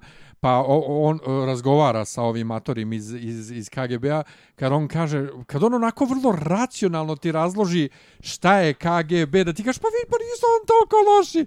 Kad kaže, on kao rekao, mi smo um, uh, chain of accountability ili ili tako nešto. Znači, mi samo uh, gledamo da Ciklus svako bude tako. odgovor. Znači, da bude svako odgovoran dovoljno. Samo da se nadovežem na ovo Isidorno što je rekla, znači u ka, kada je on mi smo to rekli, ovaj kada se kandidovao za reizbor u na tom institutu Kurčatov za atomsku energiju, njega kolege nisu izabrali 87. Tako je, 88. kad da. se ovo sve poslije toga desilo, znači oni ga oni su ga ska, ska, u- ovaj upra- upravo se o tome 87. radi. ali E, 88. serija, euro. On su ga skalpirali, mislim serija ono. ti pakuje narativ Da. uh, kao sukob istine protiv sistema. Mhm. Dok na kraju, uh, u, realno gledano, uh, je sukob između uh, unutar stranačkih podela Ne, ali to jeste Ne, u o, suštini što bi istina. rekao- što bi rekao u okviru sistema. sistema koji se tad već Što raspada. bi rekao Niče, ljudsko odveć, odveć ljudsko, zapravo tu su lju- mislim, ljudski Ne, ali- momenti, Ali nije, a, nisu tu to dolazimo, sukobi tu dolazimo, filozofija, e, to su... tu dolazimo do momenta koji kaže šta je dobra televizija, šta nije dobra televizija. Ja apsolutno razumem tu odluku i e, kao što sam već pomenula, e, sjedela sam na ogradi oko konačnog suda do pete epizode sve dok i sam Mazin i sam njihov podcast, pošto ako ga nisam slušala, gledala sam, ono, čitala sam neke odabrane odlomke, brže je, Uh, kažu, ok, ovdje smo shvatili uh, prava istina je dosadna, prava istina je komplikovana, prava istina nije dobra televizija. Uh, genijalno je uopšte imati taj koncept uh, miniserije koja pretenduje da ti predstavlja istinite događaje sa već pomenutim taglineom uh, šta je cijena laži, gde se na kraju sve zapravo fikcionalizuje i dramatizuje, a onda imaš podcast koji ti rade autori u kome ti dekonstruišu sopstvenu delo i kaže ok, ovde smo lagali, ovde smo izmišljali, ovde smo adaptirali. To Ali je, pogledajte, pogledajte to, Da. to, to i to da vidite šta je to je, stvarno ali bilo. to je kao format fenomenalno. Ne znam da smo do sad to imali. Ali ono što hoću da kažem jeste da ti kada pakuješ televiziju, moraš da donosiš određene odluke kako oblikuješ narativ. Ako kažemo da je cijela priča o Černobilju priča o narativu, uh, koji je narativ Sovjetskog saveza, uh, koji je narativ koji treba da se proda građanima, koji treba da se proda svetu, koji, u koji oni sami treba da veruju. Ako kažemo da je u suštini to neka vrsta narativa o narativu, kako ti to sve preoblikuješ kao mini seriju gde je naravoučenije šta je cena laži, sa sve tim uh, strašnim prekrajanjima u poslednjoj epizodi sa tim suđenjem koje je potpuno ono televizijska drama Law and Order A, Martele. procedural, onaj klasični, am- Klasični, ono. američki. Ne, ali da kažem, samo suđenje kao takvo nije izmišljeno, samo je bilo mnogo, mnogo dosadnije. A, samo nije uopšte, je. samo uopšte nije bilo tako. Samo uopšte nije bilo dramatičnog otkrivanja istine. Samo uopšte nije Naravno. bilo... Ne, a, nemaš, nemaš ni jednog od tri lika koji ti predstavljaju bazu ove serije. Pa da, ali svejedno on jeste u stvarnom životu pokušavao da, da ubijedi naučnu Jeste, zajednicu u problem, jeste. samo što su to našli ovdje način da to ovako Ključno upakuju, što nije pitanje- Ovo je sad uh, intervencija. Jeste. Šta pokušavamo da kažemo narativom kao što je Černobil u ovom trenutku? O čemu zapravo pričamo? Da li Pa, ali pričamo... ja se ne slažem s tobom da ovo nije, da, da i u stvarnom životu nije e, istina protiv sistema, jer ti ljudi koji njega nisu izabrali posle i koji su ga odbacili su sistem. Oni, oni čine sistem. I sistem ga nije... o, Ni, A, ni, e, sad ga- ga- postavljamo se odbacio. neka- postavlja se postavlja pitanje- Šta je sistem? A postavlja se pitanje Pa- šta je istina. Ne, Mislim, ali šta to je ono istina, što on jer kaže. on je rekao To- dvije istine. Ne, ali to je ono što on kaže na početku e, u svojim memoarima. Šta je cena laži? Nije da... E, on to nikad nije rekao u svojim memoarima. Šta je cena laži je rečenica koja je napisana u seriji. Ne, ne, Njegove- ali što on njegove kaže u seriji u postoje. memoarima? Što on kaže on u seriji je to u memoarima? ispričao u diktafon, nije ih ostavio u kofiji na skrovitom mjestu da ih KGB ne nađe. Te trake su cirkulisale. Unutar akademske Unutar zajednice. akademske Dobro, zajednice. svejedno, rekam, on to u samoj seriji kaže. Dakle, cena laži je da više ne možemo da prepoznamo istinu. I to je Pazi, sistem. ali- E, tu ja- dolazimo ja imam do- do- ali problem pazi, sa a- tim. e, To, to, Ja isto imam problem sa nekim sa tim nijansama velikim tu. rečencama koje se iskonstruišu A, iz a, te Kažeš šta je govorancije cijena te. laži i uh, imaš te krupne uh, dramske govore Da. da bi na kraju sve to dramski prepakovao u Kraljev nešto što govor. ima uh, naravoučenije Da. u nedostatku boljeg izraza. Ali u stvarnom životu se na kraju je prošlo tako, isto kao u seriji. Tek njegova smrt je ubedila naučnu zajednicu da izvrši pritisak da se poprave RMBK reaktori. Njegova smrt je okidač bil, jedan od okidača. Mislim, ne Ali vidim- da ne vidim kažem, šta je ali šta je problem. istina? A, Mislim, ne, šta ne, je ne, ne, ne. istina? Šta je istina? A, Ne, ali, a, pazi, ne, on ne. je rekao jednu Ne istinu u Beču, jednu je je rekao problem. ovdje. Mene mnogo više fascinira a, pristup koji Mhm. kaže a, imamo seriju čije je glavna a, dramska okosnica šta se dešava kada zataškavamo istinu. Onda tu istinu dramatizujemo da bi bila bolja televizija i šta time želimo da kažemo? Jer a, ako je na kraju čitava poenta što je vrlo nametljiv zaključak i posljednje epizode, koliko god se ti možda ovaj slagao ili ne slagao šta je bilo u stvarnom životu, da je poenta moramo se boriti za istinu protiv sistema. Zašto baš u ovom trenutku govorimo priči kao što je Černobilj?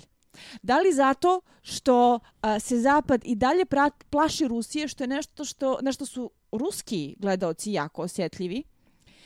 Da li zato što i dalje pokušavamo da plasiramo tezu kao zle Rusije a, koja je antiteza zapadnim slobodama, zapadnim istinama, zapadnim načinom razgo, a, razgovaranja i pakovanja a, priče o, a, o narativima, o, o, o, o mišljenju, o istini, jer a, jako je lako a, Sovjetima i Rusima napakovati ulogu bond negativaca koji su uvek tu da budu a, totalitarna to, a, protiv težnja svim našim vrednostima.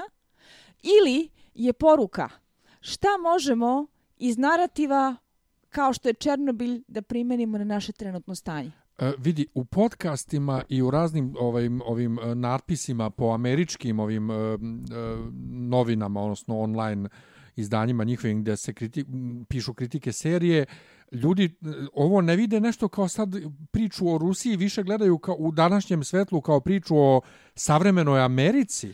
I o To, tome kako to. se Amerika povukla iz onog o, o, nuklearnoj energije, ono u Parizu i sve. Amerika Uopšte- se povukla ja iz jako velikog broja uopšte a, sporazuma o zaštiti životne sredine. Uopšte To to, ne gledaju sad kao nešto e, zastrašivanje Rusijom, to je jedno. Drugo, u stvarnom životu to je bilo tako. On je, u, u, zato je rekao, on je ispao super komunista. On je na međunarodnom nivou ispričao je istinu, ali nije, Nije sve cijelu detalje, istinu. ja. Ali kod kuće se na svom terenu borio da E, se a- to ispravi. Mislim da Isidora više gađa na to kako je to izvedeno, nije onako dramatično izvedeno. Mislim, on je to borio se tako što je znao da je smrtno bolestan pred kraj života. On je već pokušao bio jednom samoubistvo, pa mu Jeste, nije pa mu uspjelo. nije uspjelo, da. pa ovaj pa je bio u, u bolnici liječen, pa je doživio taj šok, razočarenje Ne, ne, što ga ali- su ga što su ga kolege odbile, to jest izopštile iz, iz zajednice i onda je to ispričao u mikrofon, to jest u diktafon, pa je to ostavio, pa ovo, pa ono, znaš, Pa to je tako otprilike predstavljeno i u seriji. Sad, samo što je malo dramatičnije, Pa malo dramatičnije. zašto je on ubačen Ne, ali, ali, tu, a- ali mislim, onda bi serija trajala, ne bi bila mini ne, ali ja serija. imam, naravno, ne, sla- pazi, i tu, je- tu, tu, tu bi se Ja složio s tim, moral su neke stvari da... A, a, to što ja govorim uopšte a, nije protiv serije. Naprotiv, a, meni se čini da a, dramatičnom dramatizacijom, koliko god ovo zvučalo kao pleonazam koji to uopšte nije, Nije, nije. poslednje epizode, oni i uspevaju da naprave taj otklon od mi želimo da miniciozno rekonstruišemo šta je bilo u Rusiji kako bismo mogli da ispričamo univerzalnu priču o tome šta je cena laži. Ali meni je to sasvim okej, okay, jer meni, mene, onda mi, on daje mi distancu kao gledalcu da ja ne, znam da ne gledam dokumentarac. To, to, to. Ja, A ne samo to, ja ni u jednom To je, a, a, to je ono što si mi rekla na početku. A, ta takva otvorena dramatizacija poslednje epizoda je meni dalo otklon koji bi je potreban bio da se Buffer ne ti nerviram buffer Da. o, oko netačnosti u a, manipulaciji informacijama A, u meni- meni sve to-. Ja- ali ja ni u nije, jednom nije, mislim da trenutku- nije toliko, mislim, ako uzmemo u obzir one standarde za manipulaciju i za američko gledanje i to sve, ovo je jedno, kako, da- kako da kažem, Vrlo realistično. Ne, a najbolje što možemo ali- da dobijemo ali- 2019. Mislim. Ali, ja bih se složila sa time samo da nije jedna stvar u pitanju. Ako je tema serije a, obsesivno insistiranje na istini kakva je bila, onda si na zajebanom terenu. Jer na jednoj strani govoriš o a, unutrašnjim političkim problemima zemlje koja je vrlo javno etiketirana kao neprijateljska nacija, a, gde je jako lako uleteti u a, domen karikature i već pomenjanih Bond negativaca, šta radi zli Sovjetski savez. Jako, jako Pod, lako. pod broj jedan, pod broj jedan, a, a, a sad, sad da, da baš prebacimo u 2019.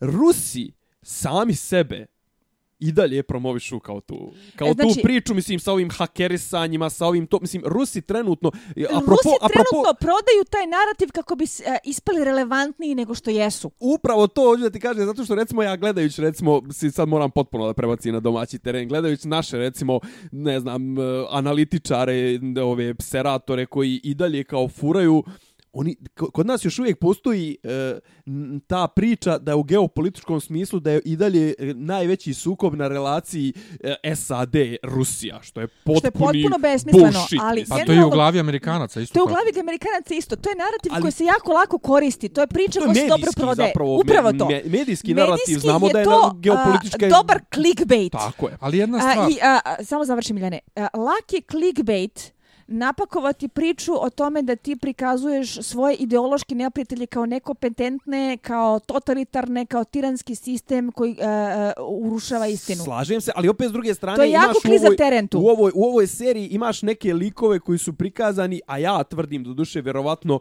bi to neko iz neke druge vizure ko ne zna taj mentalitet, taj pak slovensko-ruski tom možda rekao da, da, da je to ovaj pretjerano. Imaš likove koji su prikazani kao ekstremni heroji tipa recimo oni rudari koji su zapravo na kraju se ispostavilo to što su radili apsolutno nije bilo potrebe za tim na, Jest. ne, na Jest, nesreću. Da. Onda ona trojica dajvera, od kojih su dvojica preživjeli do dana današnjeg. da, ali i oni su, šta oni već. su pomogli. Ovaj, oni, onda ona dvojica koji idu svjesno, ovaj, čak mislim, recimo, je, uh, uh, kako ga kažem, meni je sa, sa dramaturške tačke gledišta, recimo, u- pogotovo peta epizoda mi je bila veliki, veliki šok, čitao to ponašanje Djatlova i ekipe oko Djatlova. Oni njemu ne smiju da se usprotivi. E, Onaj neki ali- klinjo ima četiri, go, četiri mjeseca radnog staža i 25 godina Na i sad primer, ovaj tip, znaš kao, i tu jeste malo, ali kako da ti kažem, A, a, nije tu to dolazimo pretjerano. do kontroverzije. Tu dolazi, pazi, a, a, ovo sada pričam kao neko koji je imao prilike da vidi kako funkcionišu državni službenici u zemlji Srbiji. Dobro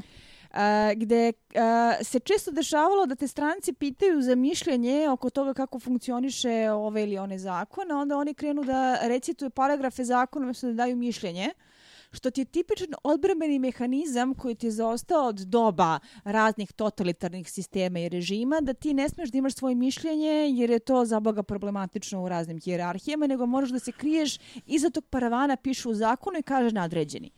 Znači, a, taj klasterfak pogrešnih odluka je mene bio beskrajno ubedljiv i mogla sam da zamislim da se to dešavalo baš tako kako je prikazano. Nemam nikakve primjedbe na to uh, u smislu da ono nisam imala ono spider sense tingling da mi prodaju muda za bubrege.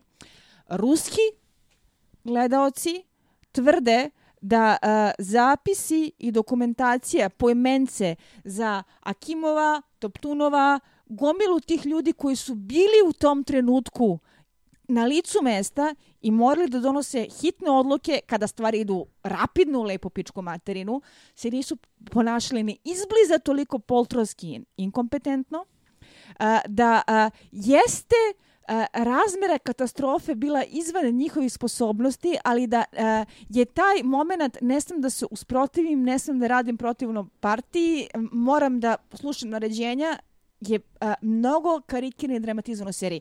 Ne kažem šta je istina, govorim samo o onome šta su a, bile neke primetbe sa one strane gledališta koji su govorili da su se osjećali uvređeno i poniženo zbog toga kako je Sovjetski savez prikazan sa time... Daj Miljanu riječ malo. Da, Miljanu reč. Okay. Znači, ja imam problem kada se u ovako nešto učitavaju savremene stvari. Kao kada se u zid u igri prestola učitavao zid ovaj sa Meksikom. Tako je, ja ovdje ni u jednom trenutku ne vidim savremenu Rusiju. Ono što sam rekao na početku, očigledno Rusi nisu raskrstili toliko sa svojom prostošću. Nisu. Kao što mi nismo i, ne, i hoćemo istovremeno da, da pljujemo komunizam i da krijemo komunizam za sve, ali ne da je Bože nam neko spolja dira naš komunizam, to je, to je naše, to je svetinja. Tako je ovdje, ja ovdje ne vidim nigde kritiku savremene Rusije ili uopšte savremenu Rusiju. Kroz vidim priču o Sovjetskom savezu. On je vide. A ovdje u priči to šta je Dijatlov naređivao, šta su njih dvojica radili ili nisu radili, smjeli ili nisu smjeli, uopšte nisam vidio nikakvu vezu sa partijom. Ono što sam ja u, to, u svemu tome vidio je jednostavno uplašenost ljudi za svoje radno mesto. Kao što imaš i u savremenoj pa, Srbiji. To jeste, a, to jeste upravo te domen problematičnosti. To ne mora da ima nikakve veze sa, sa partijom. To nema veze Ko... sa partijom kada ti to gledaš na tom nekom osnovnom ljudskom nivou. Ko, ti imaš Međutim, 25 godina, 4 mjeseca si na poslu i šef ti kaže radi to je to. Miljane, pričamo o narativom, pričamo šta se učitava, pričamo Znam, ali, o tome... ali, hoću kažem, ne, ne šta vidim se prodaje da je moguće u nekom sistemu bilo, ili jeste još uvek, Uh, šta mi verujemo da jeste moguće da jeste ubedljivo? Ja potpuno mogu da kupim da, ali sve Mazing to. Kaže, Mazing kaže da je sve to kako je, kako je opisao, da je to stvarno tako bilo i to postoje... Zašto znamo tačno svaki sekund šta se dešavalo? Zato što skala zato što kompjuter... Postoje, zato što postoje dijalozi, Log. ali interesantno je da ti Logovi dijalozi postoje. tako tumačeni nisu isti u onome što vidiš uh, u, uh, od ove Svetlane, kako se već preziva, što je radila vojsci za Černobil. E, Svetlana Aleksijević, Aleks, ja mislim. Jeste? Žena koja je znači dobila Aleksijević, dobila Nobelovu nagradu. Nobelovu nagradu 2015. Ali poenta u tome da, da previše se, dakle, pre, previše lično shvataju i učitavaju nešto čega... E, ali, ali, ali, tu nema. radimo, a, da li ima ili nema? A, a, radi se o nečemu što nije abstraktno kao što je a, zid u Westerosu. Radi se o nečemu što je vrlo konkretno i što je a, dovoljno skoro istorija da mi ovdje prisutni imamo sećanja na to kako ne, je bilo ali, ali radi se o tome, stvarno je bilo to da su oni pustili ovaj produktivnost reaktora. Stvarno je bilo to da dnevna smena koja se spremala za test je morala da stane zato što su javili, e, ljudi, kraj mjeseca moramo da držimo kvote. Ja Šta? imam, uh, znači, Ček, vrtimo se... Je, je, to tačno ili nije? Ne, ne, sve to, sve to stoji. Nego Noćna se... smjena nije bila spremna za test, vrtimo, vrtimo se oko dvije stvari, time, vrtimo ali... se oko, oko sukoba dva, dva koncepta.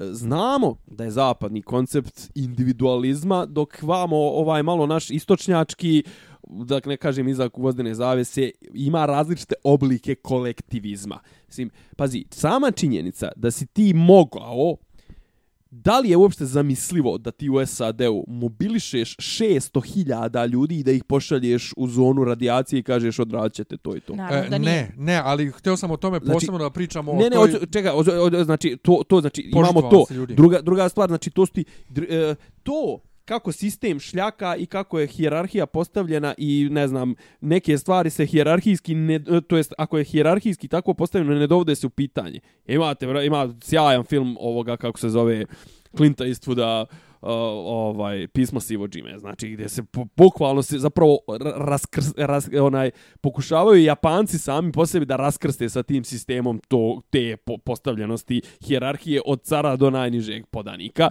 znači Sek sistemom kojim do dan danas nisu baš... nisu načistili. baš skroz raskrstili, jeste. A znači i ovdje, mislim, ja nemam ništa protiv kažem, uvijek ćemo imati ta tumačenja i uvijek će, mislim, kad dođemo u sukobe tako dva velika filozofska koncepta, ono, d, d, d, tako grandiozna, uvijek će biti toga da jedno, ona, imaš možeš da zastupaš teze i jednog sistema, možeš da zastupaš teze i drugog sistema. Kao što sam rekao, ovo negdje drugo, da je izbilo ovako sranje, prvo verovatno ne bi moglo da izbije negdje na zapadu. Da je izbilo, on ga ne bi mogli hendlovati ovako kako su ga Rusi, to jest Ne, ali- Sovjeti ali- hendlovali i potpuno, znaš, ono, Ja ne bi- ne pokušavam da zastupam ovdje trenutno gledišta uh, ruskog ne, gledališta. ma, ni, ni, ja, ja nisam protiv toga. Uh, nego samo pokušavam da uh, a- filozofski razmatram kako jedna takva tematika u ovakvom trenutku geopolitike može da ima implikacije na jedno i na drugo uh, televizijsko tržište.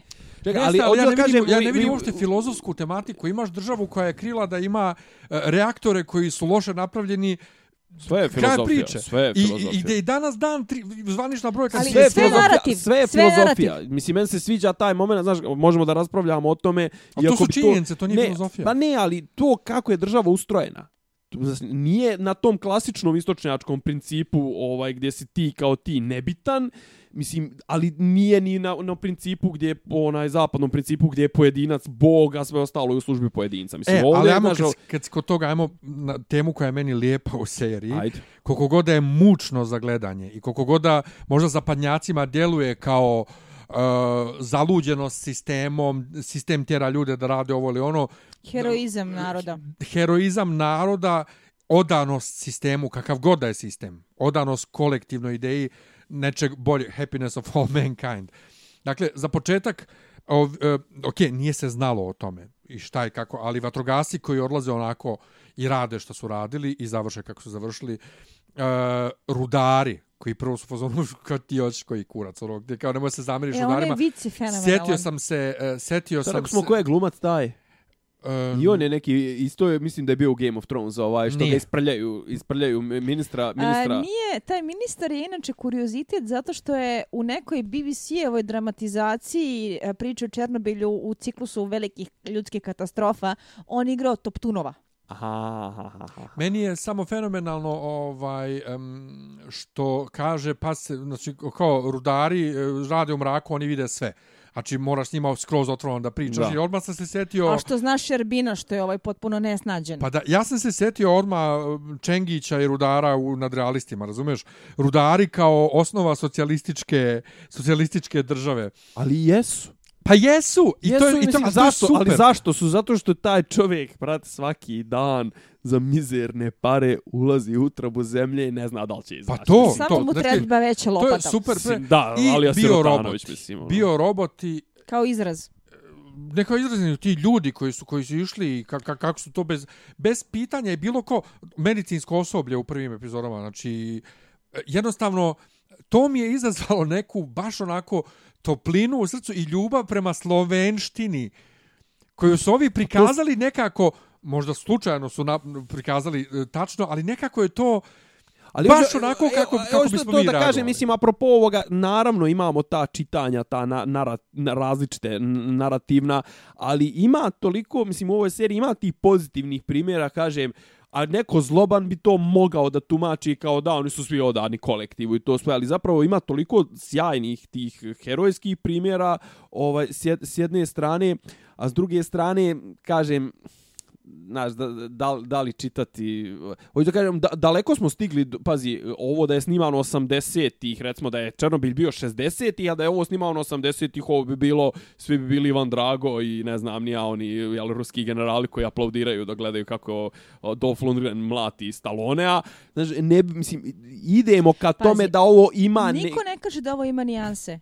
Da. Ali, Da. e, mene Ne, ne, ali da može da se čita, i, e, naravno. fascinira projekat, jer Mhm. mi se čini da je nijansa bila usmerena ka zapadnom čitanju. E, ka tome kako ćemo mi projektovati e, zapadnu istinu i zapadne narative koje se trenutno prodaju, a propo onoga što ste pominjali, da se Amerika povlači iz klimatskih sporazuma i zaštite životne sredine i svega ostalog. Pa Craig A- Mazin upravo kaže, kaže, mi imamo ove atomske bombe u silosima, otkud ja znam da li su one stvarno bezbedne. A kako je to dočekano na nož u nekim uh, ruskim krugovima koji su se osjetili i dalje ranjivim na uh, određenu vrstu stereotipizacije u zapadnim narativima? Ima i toga, ima i onoga što su isto rekli un, unutar ovoga, unutar, mislim da je zapravo možda čak i unutar serije, ali unutar podcasta sigurno, e, zašto je e, Gorbačov rekao da je ovo zapravo bio onaj okidač To koji je koji je srušio, srušio SSSR. Znaš, ovaj, nateg, slažem se ja da je to nategnuto ovaj čitanje to tipa da je jeli kao ova piramida, to jest kula od, od karata od laži ovaj satkana kolabirala. Pa Međutim, ne, i ekonomski. i ekonomski između ostalog, ali svakako znači e, kako ga kažem u, mislim da u podcastu baš da su poredili sa situacijom e, sa, sa Rumunijom, sa Čaušeskuom. Znači, Jesu. kada krene da ti sistem, si, ti sistemi koji su zasnovani na toj kombinaciji malo straha, malo, ne znam, preduvavanja i sopstvene moći, malo ovaj to, jeli, vojno, a ako nemaš onu pravu bazu, ekonomsku bazu, ti sistemi vrlo brzo kolabiraju, ne, ne, ne, neočekivano brzo, mislim, ja sam često pominjao ovim našim političkim podcastima, uh, ovaj, Čaušesku je pao, ne znam koliko, par mjeseci ili par sedmica nakon što je na izborima osvojio 99% Ali tu glasova. se vraćamo na Ovdje moć se vraćamo- kao Da. na alatku. Dobro, I to je, mislim, da negde i tema serije, suštinska tema serije kada se sve ostalo ogoli. kad se oljušte ostali. Jeste. jeste. Šta je narativ? Šta nam se prodaje? U šta verujemo?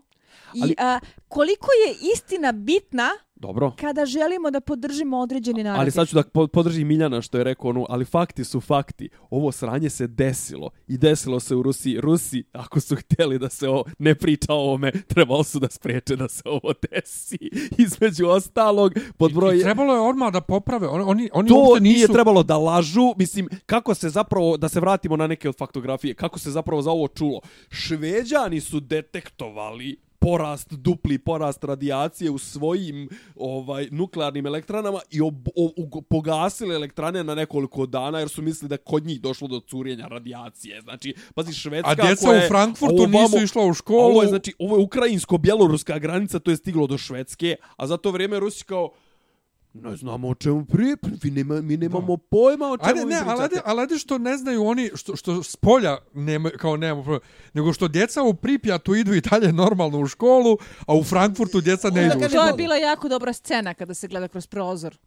Da, nego jedna stvar, kad, kad smo kod toga, padne. kad smo toga, horor. E, sa današnje tačke gledišta, kad znamo o radijaciji, šta sve znamo, gledati one ljude na mostu koji se sad zove most smrti i deci koja se igraju u pepelu, to je, to je jezivo u prvoj epizodi, ali potpuno jezivo.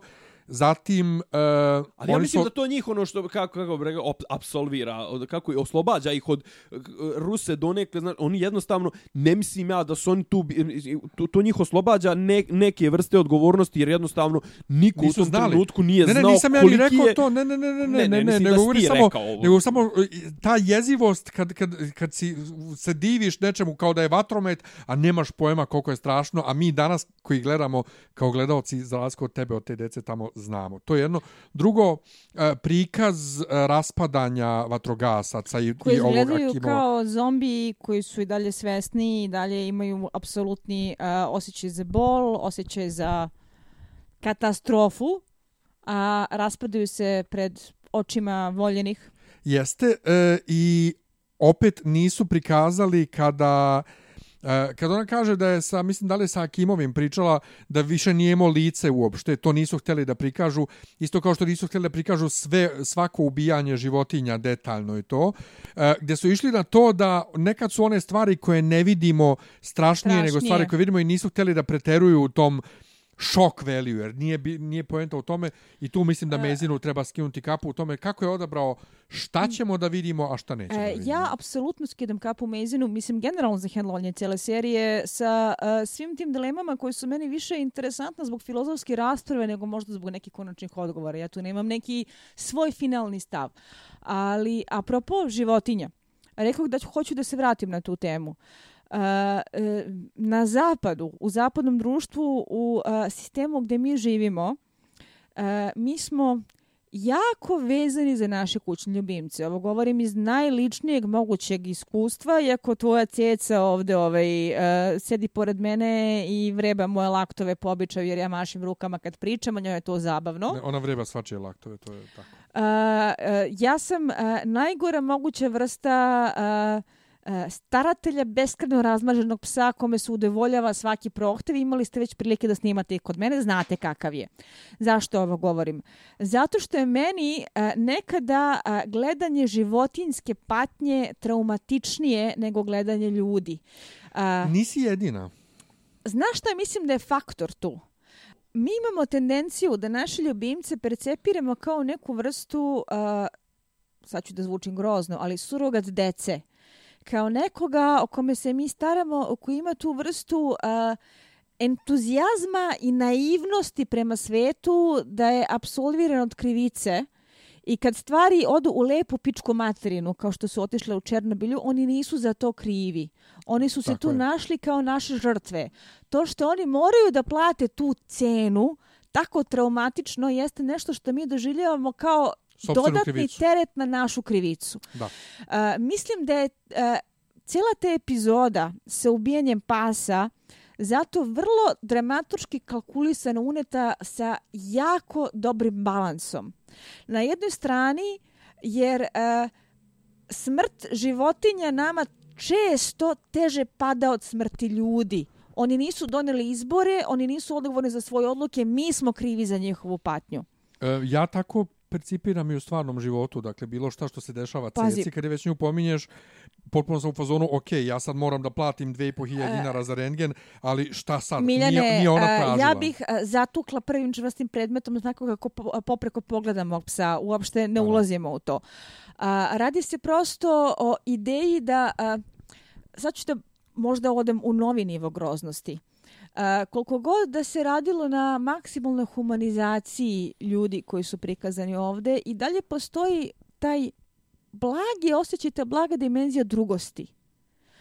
Uh, na sličan način na koji uh, su ljudi osjetljiviji na patnju uh, uh, pasa u azilu koji čeka usvajanje nego na patnju uh, ono uh, gladne dece iz Afrike jer je to prizor koji su vidjeli milijardu puta jer je to prizor na koji su desentizi desenti dis bla bla manje osjetljivi Desentivizirani. Jel? Hvala Nemanja.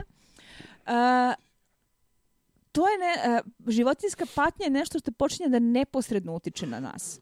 Odluka da prikazuješ kako nevine životinje stradaju je u suštini mnogo dublji emotivni udarac nego šta se desilo sa nekim random sovjetima u smiješnim trenerkama koji su stali na nekom mostu. Da. E, A, zašto ovo govorim?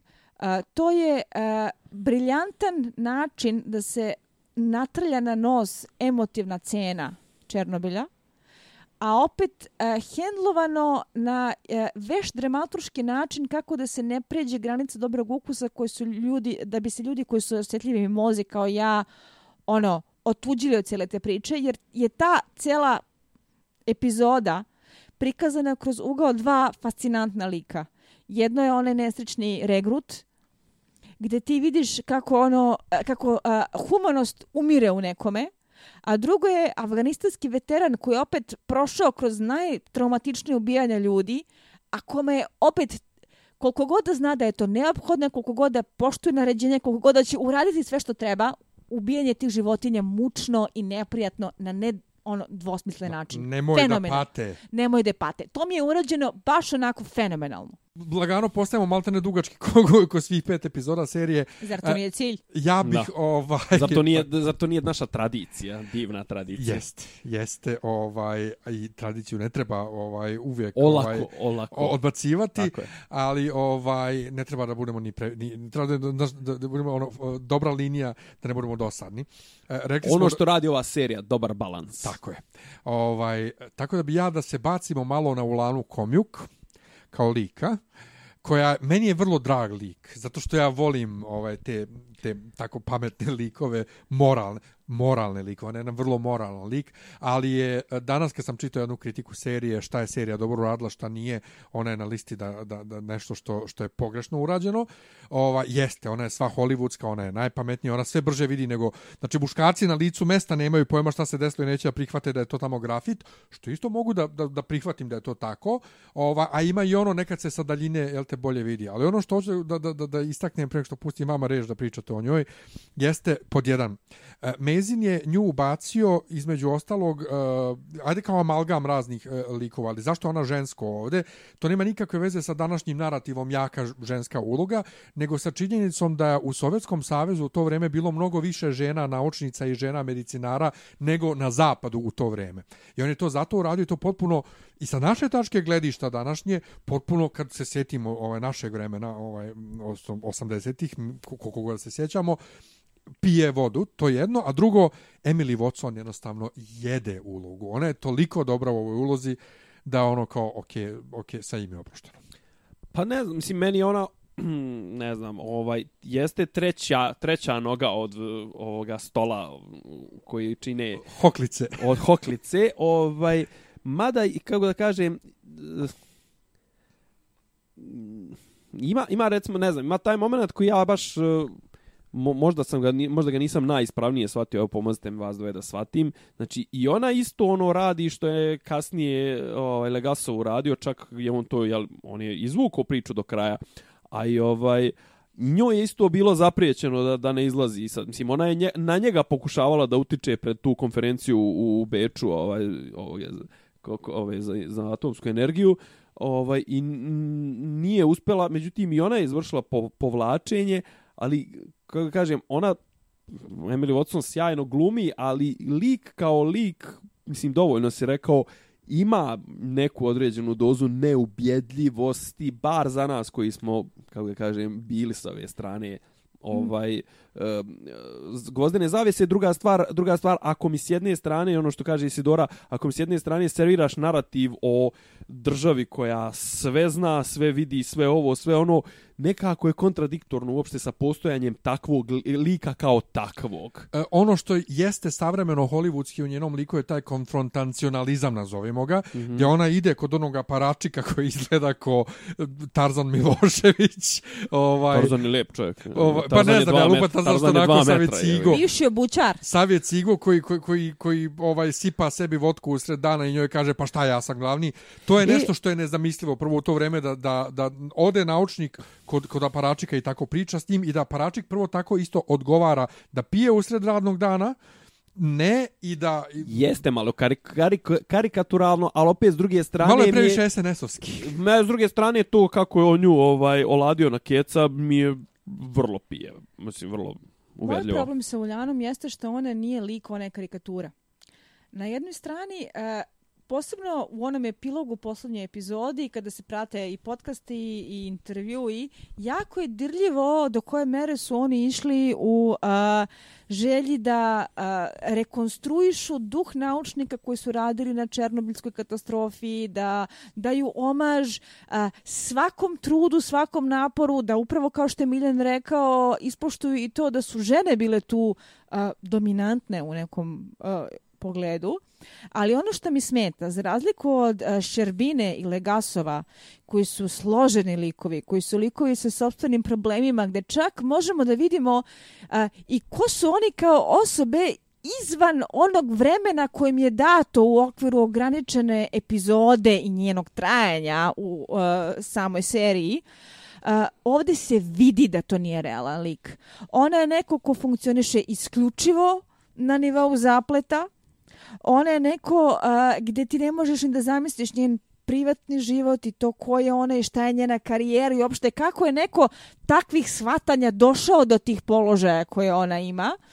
I problem jeste što je ona a, karikaturalno moralna u tom narativu. Za razliku od njih dvojice koji jesu dve noge od hoklice, ali koji imaju svoje dubinu i nijansu, ona je jedina koja je, Ona je bela kraća, ona je kraća noga. U tom crno-belom prikazu, a sve ovde u nijansama sive. E, ali, e, Znaš na što sam imala asocijaciju? Se sjećate kad ste bili mali pa smo gledali one Disneyjeve crtače sa šiljom koji treba da napravi glupost. Onda na jednom ramenu ima šilju đavola, a na drugom ramenu ima šilju anđela i onda ga oni teraju da odabere jednu ili drugu opciju i tako onda imamo humoristički efekat u Disneyjevom crtaču.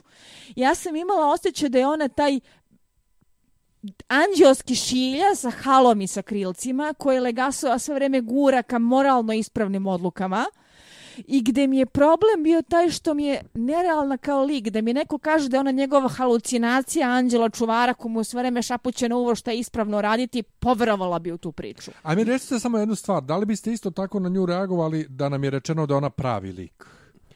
Pa, Ili, ili zato što A, znamo da je da, pravi nije lik, pravi da je Da, lik? pravi da je lik- pravi lik, kopala bih šta je istina. Tako je. I druga stvar da je pravi lik, vjerovatno bi imali na nešto, da, na, kako da kažem, da je oslone na neku njenu ljudskost.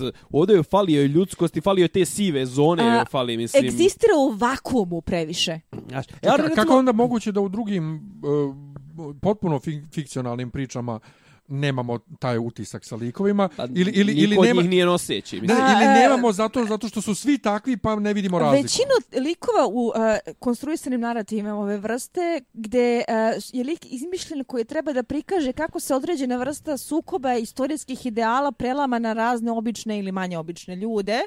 Uh, ti likovi nisu protagonisti, ti likovi nisu nosioci radnje i ono što je važno, ti likovi nisu nosioci moralnih vrednosti.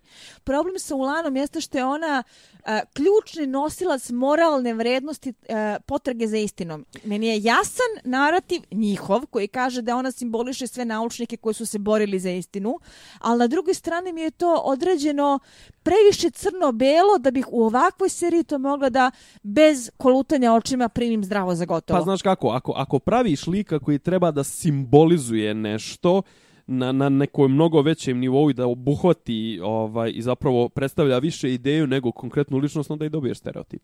Inače, ovaj, uh, isto potpuno nezamislivo bilo da ona bude uhapšena i da posle dve e, ovaj scene sedi na sastanku sa Gorbačovim. Dakle, to je isto malo Da. uh, pretjerano. Uh, jedna Ne, ali stvar ja- koja se meni sad- sad- jako dopala, koje se nismo dotakli je e, način na koji izgovaraju stvari. Dakle, e, ja sam se tek sad setio, jako i kao znam engleski, e, E, da Z je Z, a ne Z. To Z američko nam je toliko ušlo da kada vi kažu Z zbunjen, samo zapravo na engleskom je XYZ, to jedno. I drugo, Belorusija, što kažu. Ne kažu Belarus, nego Belorusija. Ima tako tijenata jezičkih koje su, mi, koje, koje su mi mnogo dobro legle. Ti ti nešto da kažeš pa da pređemo na epilog. Da, e, ali zanimljivo mi je, recimo, nisam baš shvatio, e, nisam, mislim, e, u, u, kom, u kom smislu o dramaturškom, zašto ne vidimo m, porodicu ni Legasova, ni... ni Ali Gasovi imao ženu i citnu djecu, to se Pa znalo. to se to se rek, to se samo reklo ni ni Ščerbine ni ni a Homjuk da ne priča mislim ono mada pretpostavljam da je to u skladu sa tim njenim kara ka, ka, kara kara Karakterizacijom. ne, nego kara, kara, Karikaturalnošću. kar, karikaturalnim likom, uh, gdje, znaš, kao naučnik nema ni, ni kučeta, ni mačeta, ni ništa, on je samo nau, nauci posvećen, šta već. Ali vidiš, recimo, znaš, nemamo tih momenata da, da, da njih, ono, iako i vidimo kao likove, ali ih vidimo ih samo unutar te tih priča, znači unutar priče vezane za Černobilj i unutar tih uh, tog njihovog trougla, kako da kažem, gdje, gdje su najeksponiraniji. Znači, ne vidimo ih ni u kakvoj interakciji sa bilo kim van, van tog kruga, ni sa interakcijom sa sobstvenom familijom, ni, jednog, ni jedno od njih troje, tako da to mi je malo, mi je recimo možda malo falilo čisto da dobijemo dodatne dubine, dubine tih likova. Realno čak ni nismo ni, ništa od toga, sem zapravo porodične drame koju pratimo malo prvu epizodu i pratimo ovaj epilog vezan za Juliju, je li Julija žena od uh, vatrogasca. Mi zapravo Ljudmila. Ljudmila, izvinjavam se. Ljudmila Ignatenko. Ljudmila, ovaj, Ignatenko, znači ne, viđa, ne vidimo nikakve te, ovaj, znaš, uglavnom pratimo ono, baš pojedince, pojedince koji su potpuno onako, kako da kažem, isječeni iz, iz, iz, iz svog okruženja i bačeni tu, ovaj, Inače, tu nije li zabavno što se vatrogasac preziva Ignatenko? Pa dobro. Inače, Vatrosav. Nisu- jel nisu- znate nisu što je bila brljavi, njena evo. priča? Hm? Uh, nju jesu pitali uh, da li ima dece, ne da li je trudna, ona je Mhm. rekla da ih ima dvoje. Jer je, je posle uh, razmišljala i rekla ako kaže ako ima jedno dete neće biti dovoljno. Mora da kaže da ima dvoje dece zato što sa dvoje dece ispuniš dug državi i onako reprodukovao si se koliko je potrebno u sistemu. Pros, prosta reprodukcija, Jeste, da. tako da će da te puste, jer je, kaže, i žena koja ju je pitala, rekla, ok, dvoje dece je dovoljno, ajde idi, a kamoli to da se znalo da je trudna. I da, e, njena priča je recimo skoro copy-pastovana iz glasova o Černobilju, koja je apsolutno jedan od e, osnova za Za ceo seriju, pa scenariju. to, to je, to je, to je Mezini rekao. Inače, apropo baš njena lična priča kako je napisana u uh, glasovima Černobila, ljudi su pitali uh, autorku da li je Da li, ova, da li iko stvarno tako govori da je ona rekla da njen govor ima neki šekspirovski kvalitet gdje onda kad uzmeš u obzir šta se njoj zapravo desilo u životu da je rodila, prvo gledala muža kako umire, drugo da je beba u njoj apsorbirala ovaj uh, Zračenje radijaciju koje bi nju ubilo. i, i, i umrla posle 4 sata, a ona na, i rekli joj doktori nikad neće moći imati dece i na kraju ipak dobila ovaj Ja dete. sam tu priču čitao, mislim, zašto mi je recimo jedna od ovih, e, e, mislim, te neke, pa ne mogu da kažem da su bizarni, ali te neke baš onako upečatljive momente kao što je recimo to da je ovaj neko da plod apsorbuje ovaj nivo radijacije koji bi ubio ženu i da je li ovaj dijete strada a da ženi ne bude ništa. To i recimo znači nije uopšte trebalo da, da, da se pojave oni nego ja kad sam vidio kad recimo one tela kad poslažu sam odmah u glavi kao a sad će sad će mješalca Znači, istiže mješalca. Da, da. Mislim, Imaš te neke momente Imaš koje te znaš šta te, Očigledne asocijacije šta treba da se desi. Znaš šta te čeka, Znaš mi svi znamo fora? te, znamo te sve, sve te neke bizarne detalje, a apropo toga sva- svi koji smo malo nešto pročitali i nekako, znaš, ono kao, naiđeš i nekako u, u fazonu si, aha, sigurno tle, znaš, ono kao, nisu me iznenadili ništa, to sve kao, znam gdje plovim, znam ku, kuda se kreće ova priča, s jedne strane ti je ono kao, ok, a s druge strane vidiš otjelotvoreno, to jest vizualizovano one strašne Najgori detalje strah. koje si, koje si čito nekad i od kojih te je bilo strah da ih čitaš u knjizi. Nema, ćeš ti da ispričaš za cipele šta je bilo? E, ko je? E, Onaj... Na sahrani što ona drži cipele. Uh, jao, de podsjeti me. A njegove cipele koje je ona nosila. A, stvar sa cipelama a, jeste što a, je njegovo telo bilo toliko deformisano da su stopala tako otekla da iako je uspela da ga obuče u uniformu nije mogla da mu navuče cipele i zato je stajala sa cipelama na sahrani jer nije mogla da ih nosi u grobu. Da, to, to. Da, e, prije što pričamo na epilog, e, par ljudi je nešto malo kritikovalo prikaz e, e, djelovanja radijacije, kao da se onako brzo umire i da se tako brzo dešava.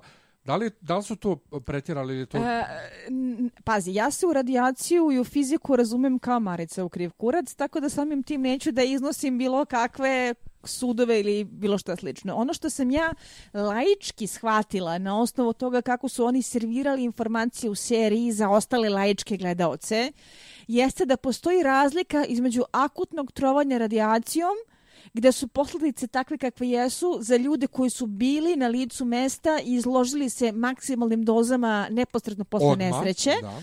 i dugoročne posljedice koje su i nemerljive na neki klasičan način, koje se odnose na to ko je umro od karcinoma, kako su se razne bolesti širile i kako se taj prsten radijacije od epicentra u Ukrajini posle širio po istočnoj Evropi. A neki Mislim kažu- da je to ključna Neki razlika. kažu, neki kažu da zapravo pune, ovaj, puni efekti radijacije će se vidjeti tek u trećoj do četvrtoj generaciji, jer zapravo radijacija, ona, možda i ponajviše, o, ta dugotrajna radijacija zapravo utiče na genetske mutacije i genetske Upravo to. poremećaje. I taj Tako da, neki akutni broj od 31, odnosno 54 mrtvih prema klasifikacijama ko je umro u nesreći, a ko je umro od posljedice uključujući Šerbinu u krajnjoj liniji, uključujući čak i Djatlova. statistiku Djatlova, uključujući čak i statistiku koja zapravo kaže da je e, od 400 rudara njih 100 umrlo pre 40. Mhm. Da, da, da. Što je realna cifra.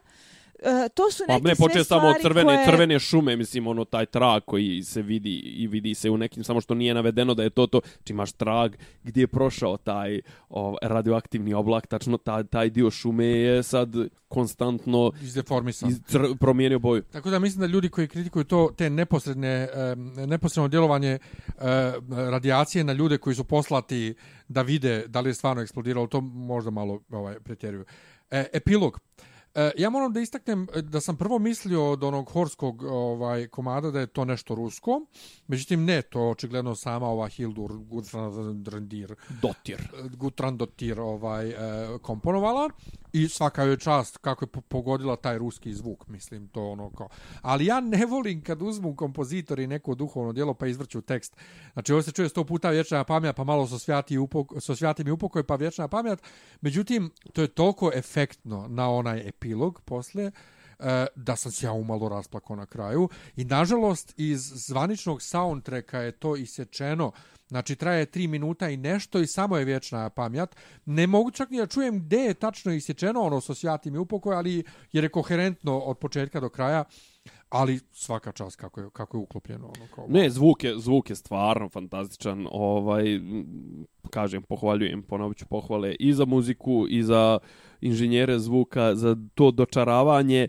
Kako ga kažem, ti detalji su ono nekako što što mene, jeli, meni imponuje kao gledaocu, kao nekome cijeni kao gledaoca, pa se potrudio, pa ja imam osjećaj da sam ja sad nešto posebno nagrađen, a opet i posebno pametan što gledam ovakvu seriju. Mislim, to je jedan od razloga zašto ljudi... Pa, to je jedan od razloga zašto je ova serija Zašto je ova- takav i da. uspeh ostvarila. Mislim, e, jedan moj drugar na newsfeedu danas je napisao vrlo maliciozan status. A na njega sam i mislio, on, kad sam rekao malo pre neko ko kritikuje te neposredne, ovaj, neposredno uh, djelovanje uh, radijacije. Pazi, e, niko od nas nije e, stručnjak, zato ja sam se iskreno rečeno plašio, e, ja sam poslije prve epizode sam se plašio da će dosta toga biti nejasno, peta epizoda je dala neki, neka onako smislena E, obavješ... O, o, o, o, Televizijski, dramatuški gledano peta epizoda je briljantno odrađena. Posebno sa onom odlukom da stanje pre eksplozije prikaže tek u finalu kada nam je kontekst bitan, kada su nam likovi poznati, kada su nam posledice jasne. Jer da se time krenulo, bilo bi šta nas briga za ove ljude. Ko su ovi Jeste. ljudi Da. i zašto je ovo ovoliko nabijeno informacijama u Ne bi imalo tu istu emociju. Od, od, Znači- otvaranje je bilo zapravo čisto samo pokazivanje uh, I medija emocije. stres. Tako ja je. se zanatski zaista divim i skidam kapu toj odluci kako su u poslednjoj epizodi između tog klasičnog televizijskog suđenja i faktografije vezane za to šta se desilo u kontrolnoj sobi, oni uspeli da to upakuju. Koliko god da je fikcija, uh, prosto kao televizijski uradak, to je briljantno. Ne, i druga stvar, ti znaš apsolutno sve šta će da se desi, i znaš što iz istorijskih izvora, znaš što iz toga šta su oni posle toga šta se dešavalo, znaš kroz prethodne epizode i opet drži pažnju i vozi fenomenalno. Ne, to je zapravo i pohvala cijeloj seriji, što ti sve vrijeme znaš znaš priču, znaš šta će biti, znaš kako će završiti, ali... Ali, A mi a, do to sad me nismo- vraća na onu moju omiljenu tezu, apropo spo- spoilerofoba i ostalih dramosera kojima je najstrašnije ako će neko nešto da im spojluje. U kvalitetnim serijama, što Černobilj nesporno jeste, nije bitno šta nego kako i naravno da svi znamo kako će priča da se završi, ali je mnogo zanimljivije vidjeti kako ćemo doći do nekakvog finala. Ne, mislim, okej, vršene su korekcije i to čak, ali mislim da su vršene korekcije su vršene na najnebitnijem mogućem dijelu, zapravo. Ta, to suđenje zapravo Mislim, ono je više služilo kao, kao arena u kome će se svi ti glavni protagonisti naći i, I u kome iznijeti... će se narativi kristalizovati. Upravo tako, a ne to šta će, mislim, ono samo po sebi i čak ni u sklopu uh, priče, u sklopu dešavanja nema neku veliku bitnost. Mi Na kraju smo pročitali smo, mislim, Djatlov umire vrlo brzo, Fomina su čak vratili na Pa ne posao. umire vrlo brzo, 25 je tek umro. Pa dobro, mislim, kroz 5-6 godina. To je ovaj. 9 godina To je od 10 Černobilja. godina skoro, Nemanja. 10. A dobro, ali suđenje se 88. 7. 8. 87 je bilo suđenje, na ali 8. jedno. Na 8. Ali on um, um, um, umro je tek 95. Od svih tih koji su Da. bili neposredno tu pff, na, na GV Dobro, ali on nije išao u, u, Pa nije, reaktori. zašto je pička? Da. ovaj, ali kažem, znaš, e, to, to e, na kraju ne, smi, ne, ne, ne da ne smeta, nego je dobro je, e, dobro je i ta i to suđenje je okej, ima svoje sjajne dramske vrhunce, tako da ovaj sve to, sve to ima svoje. Uh, zanatski gledano, ovo je jedna veličanstvena serija. Uh, kao rekonstrukcija istorije, mislim da moramo da zadržimo pravo da postavimo pitanje koliko je sve ili nije. Jer i uh, ideja iza cele potrage za istinom na koju Mazini i sam poziva u svojim podcastima jeste da stalno moramo da se pitamo šta su nam šta, se, šta su činjenice, a šta su nam servirani narativi. Ali za epilog bi se ja vratila za nešto, na nešto drugo. Naime, kad se završio Gemotron i kada sam ja bila u fazonu dobi za Free Elf i kada sam ljudima zainteresovanim za nekakvo a, dalje bavljenje podcastima, serija govorila šta nam je sljedeći projekat, a, prijatelju sa posla sam rekla da se spremamo da radimo Černobilj. U pitanju inače jedan gospodin iz Brazila, po profesiji javni tužilac, koji je rekao, hm, pa ja sam tamo bio kao turista, na što sam ja bila what the fuck, Meni se ide tamo. Da bi se ispostavilo na sličan način kao što je recimo Auschwitz, kao jedan kamp smrti, kao jedna fabrika najstrašnijih činjenica vezanih za istoriju čovečanstva, pretvoren u e, turističku atrakciju e, gdje je naravno narativ u pozadini takav da moramo da pamtimo strahote da bismo izbjegli njihovo ponavljanje, da naravno da moramo da položimo prosto ispit zrelosti u tome da li možemo da se suočimo sa time što je tu rađeno. E, iza svega toga jeste jedna turistička mašinerija koja kanda pravi neke pare. Černobiljska lokacija, safety zona, pretvorena u turističku atrakciju. Moj kolega iz Brazila je tamo bio kao turista, gdje je lokalni vodič bio bivši stanovnik Pripjata koji je sticam okolnosti školovan po Amerikama, tako da besprekorno priča engleski jezik koji ih je vodio u njihov stan sa fotografijama koje stoje na zidovima, sa stvarima koje nisu mogli da odnesu jer su im je rečeno da izlaze samo privremeno da će se vratiti, gdje je sve to počelo da se a, patentira i prodaje kao nešto što čini tu lokaciju specifičnom, gdje oni dolaze da bi videli kako te socijalističke a, blokove koji su ono remek delo betonskog brutalizma guta podivljala priroda koja buja, gdje i ti psi koji su delimično pobijene, delimično nisu, postoju svojevrsna atrakcija zato što su a, čopori lutalice u Černobilju koji dalje dolaze da se umiljavaju ljudima gdje ti je a, glavna poenta smeš da ih hraniš, ali ne smeš da ih maziš, selling point jer ti upravo udara na emocije, možeš da im daš hranu jer su oni i dalje bivši Uf. ljubimci koji ti se umiljavaju ako generacijama žive bez ljudi, ali ne smeš da ih maziš jer su radioaktivni. Uf. To manipuliše emocijama, to ti prodaje priču. Ti odlaziš tamo da bi doživao atmosferu video igara. A, sama ta ideja a, Disneylandizacije lokacije katastrofe za turiste je meni fascinantna. Ne, ali još kad, kad, kad prikažu, a stalno u svakom, uh, u, u svakom prikazu današnjeg Černobila prikazuju onaj autodrom i zabavni park, baš koji zapravo nikad nije ni proradio. E, je, jesu čak upali su točak su upali baš to veče kad je bilo ovaj kad je bio požar da skrenuo ljudima pažnju. Inače e, moram jednu stvar još da ubacim.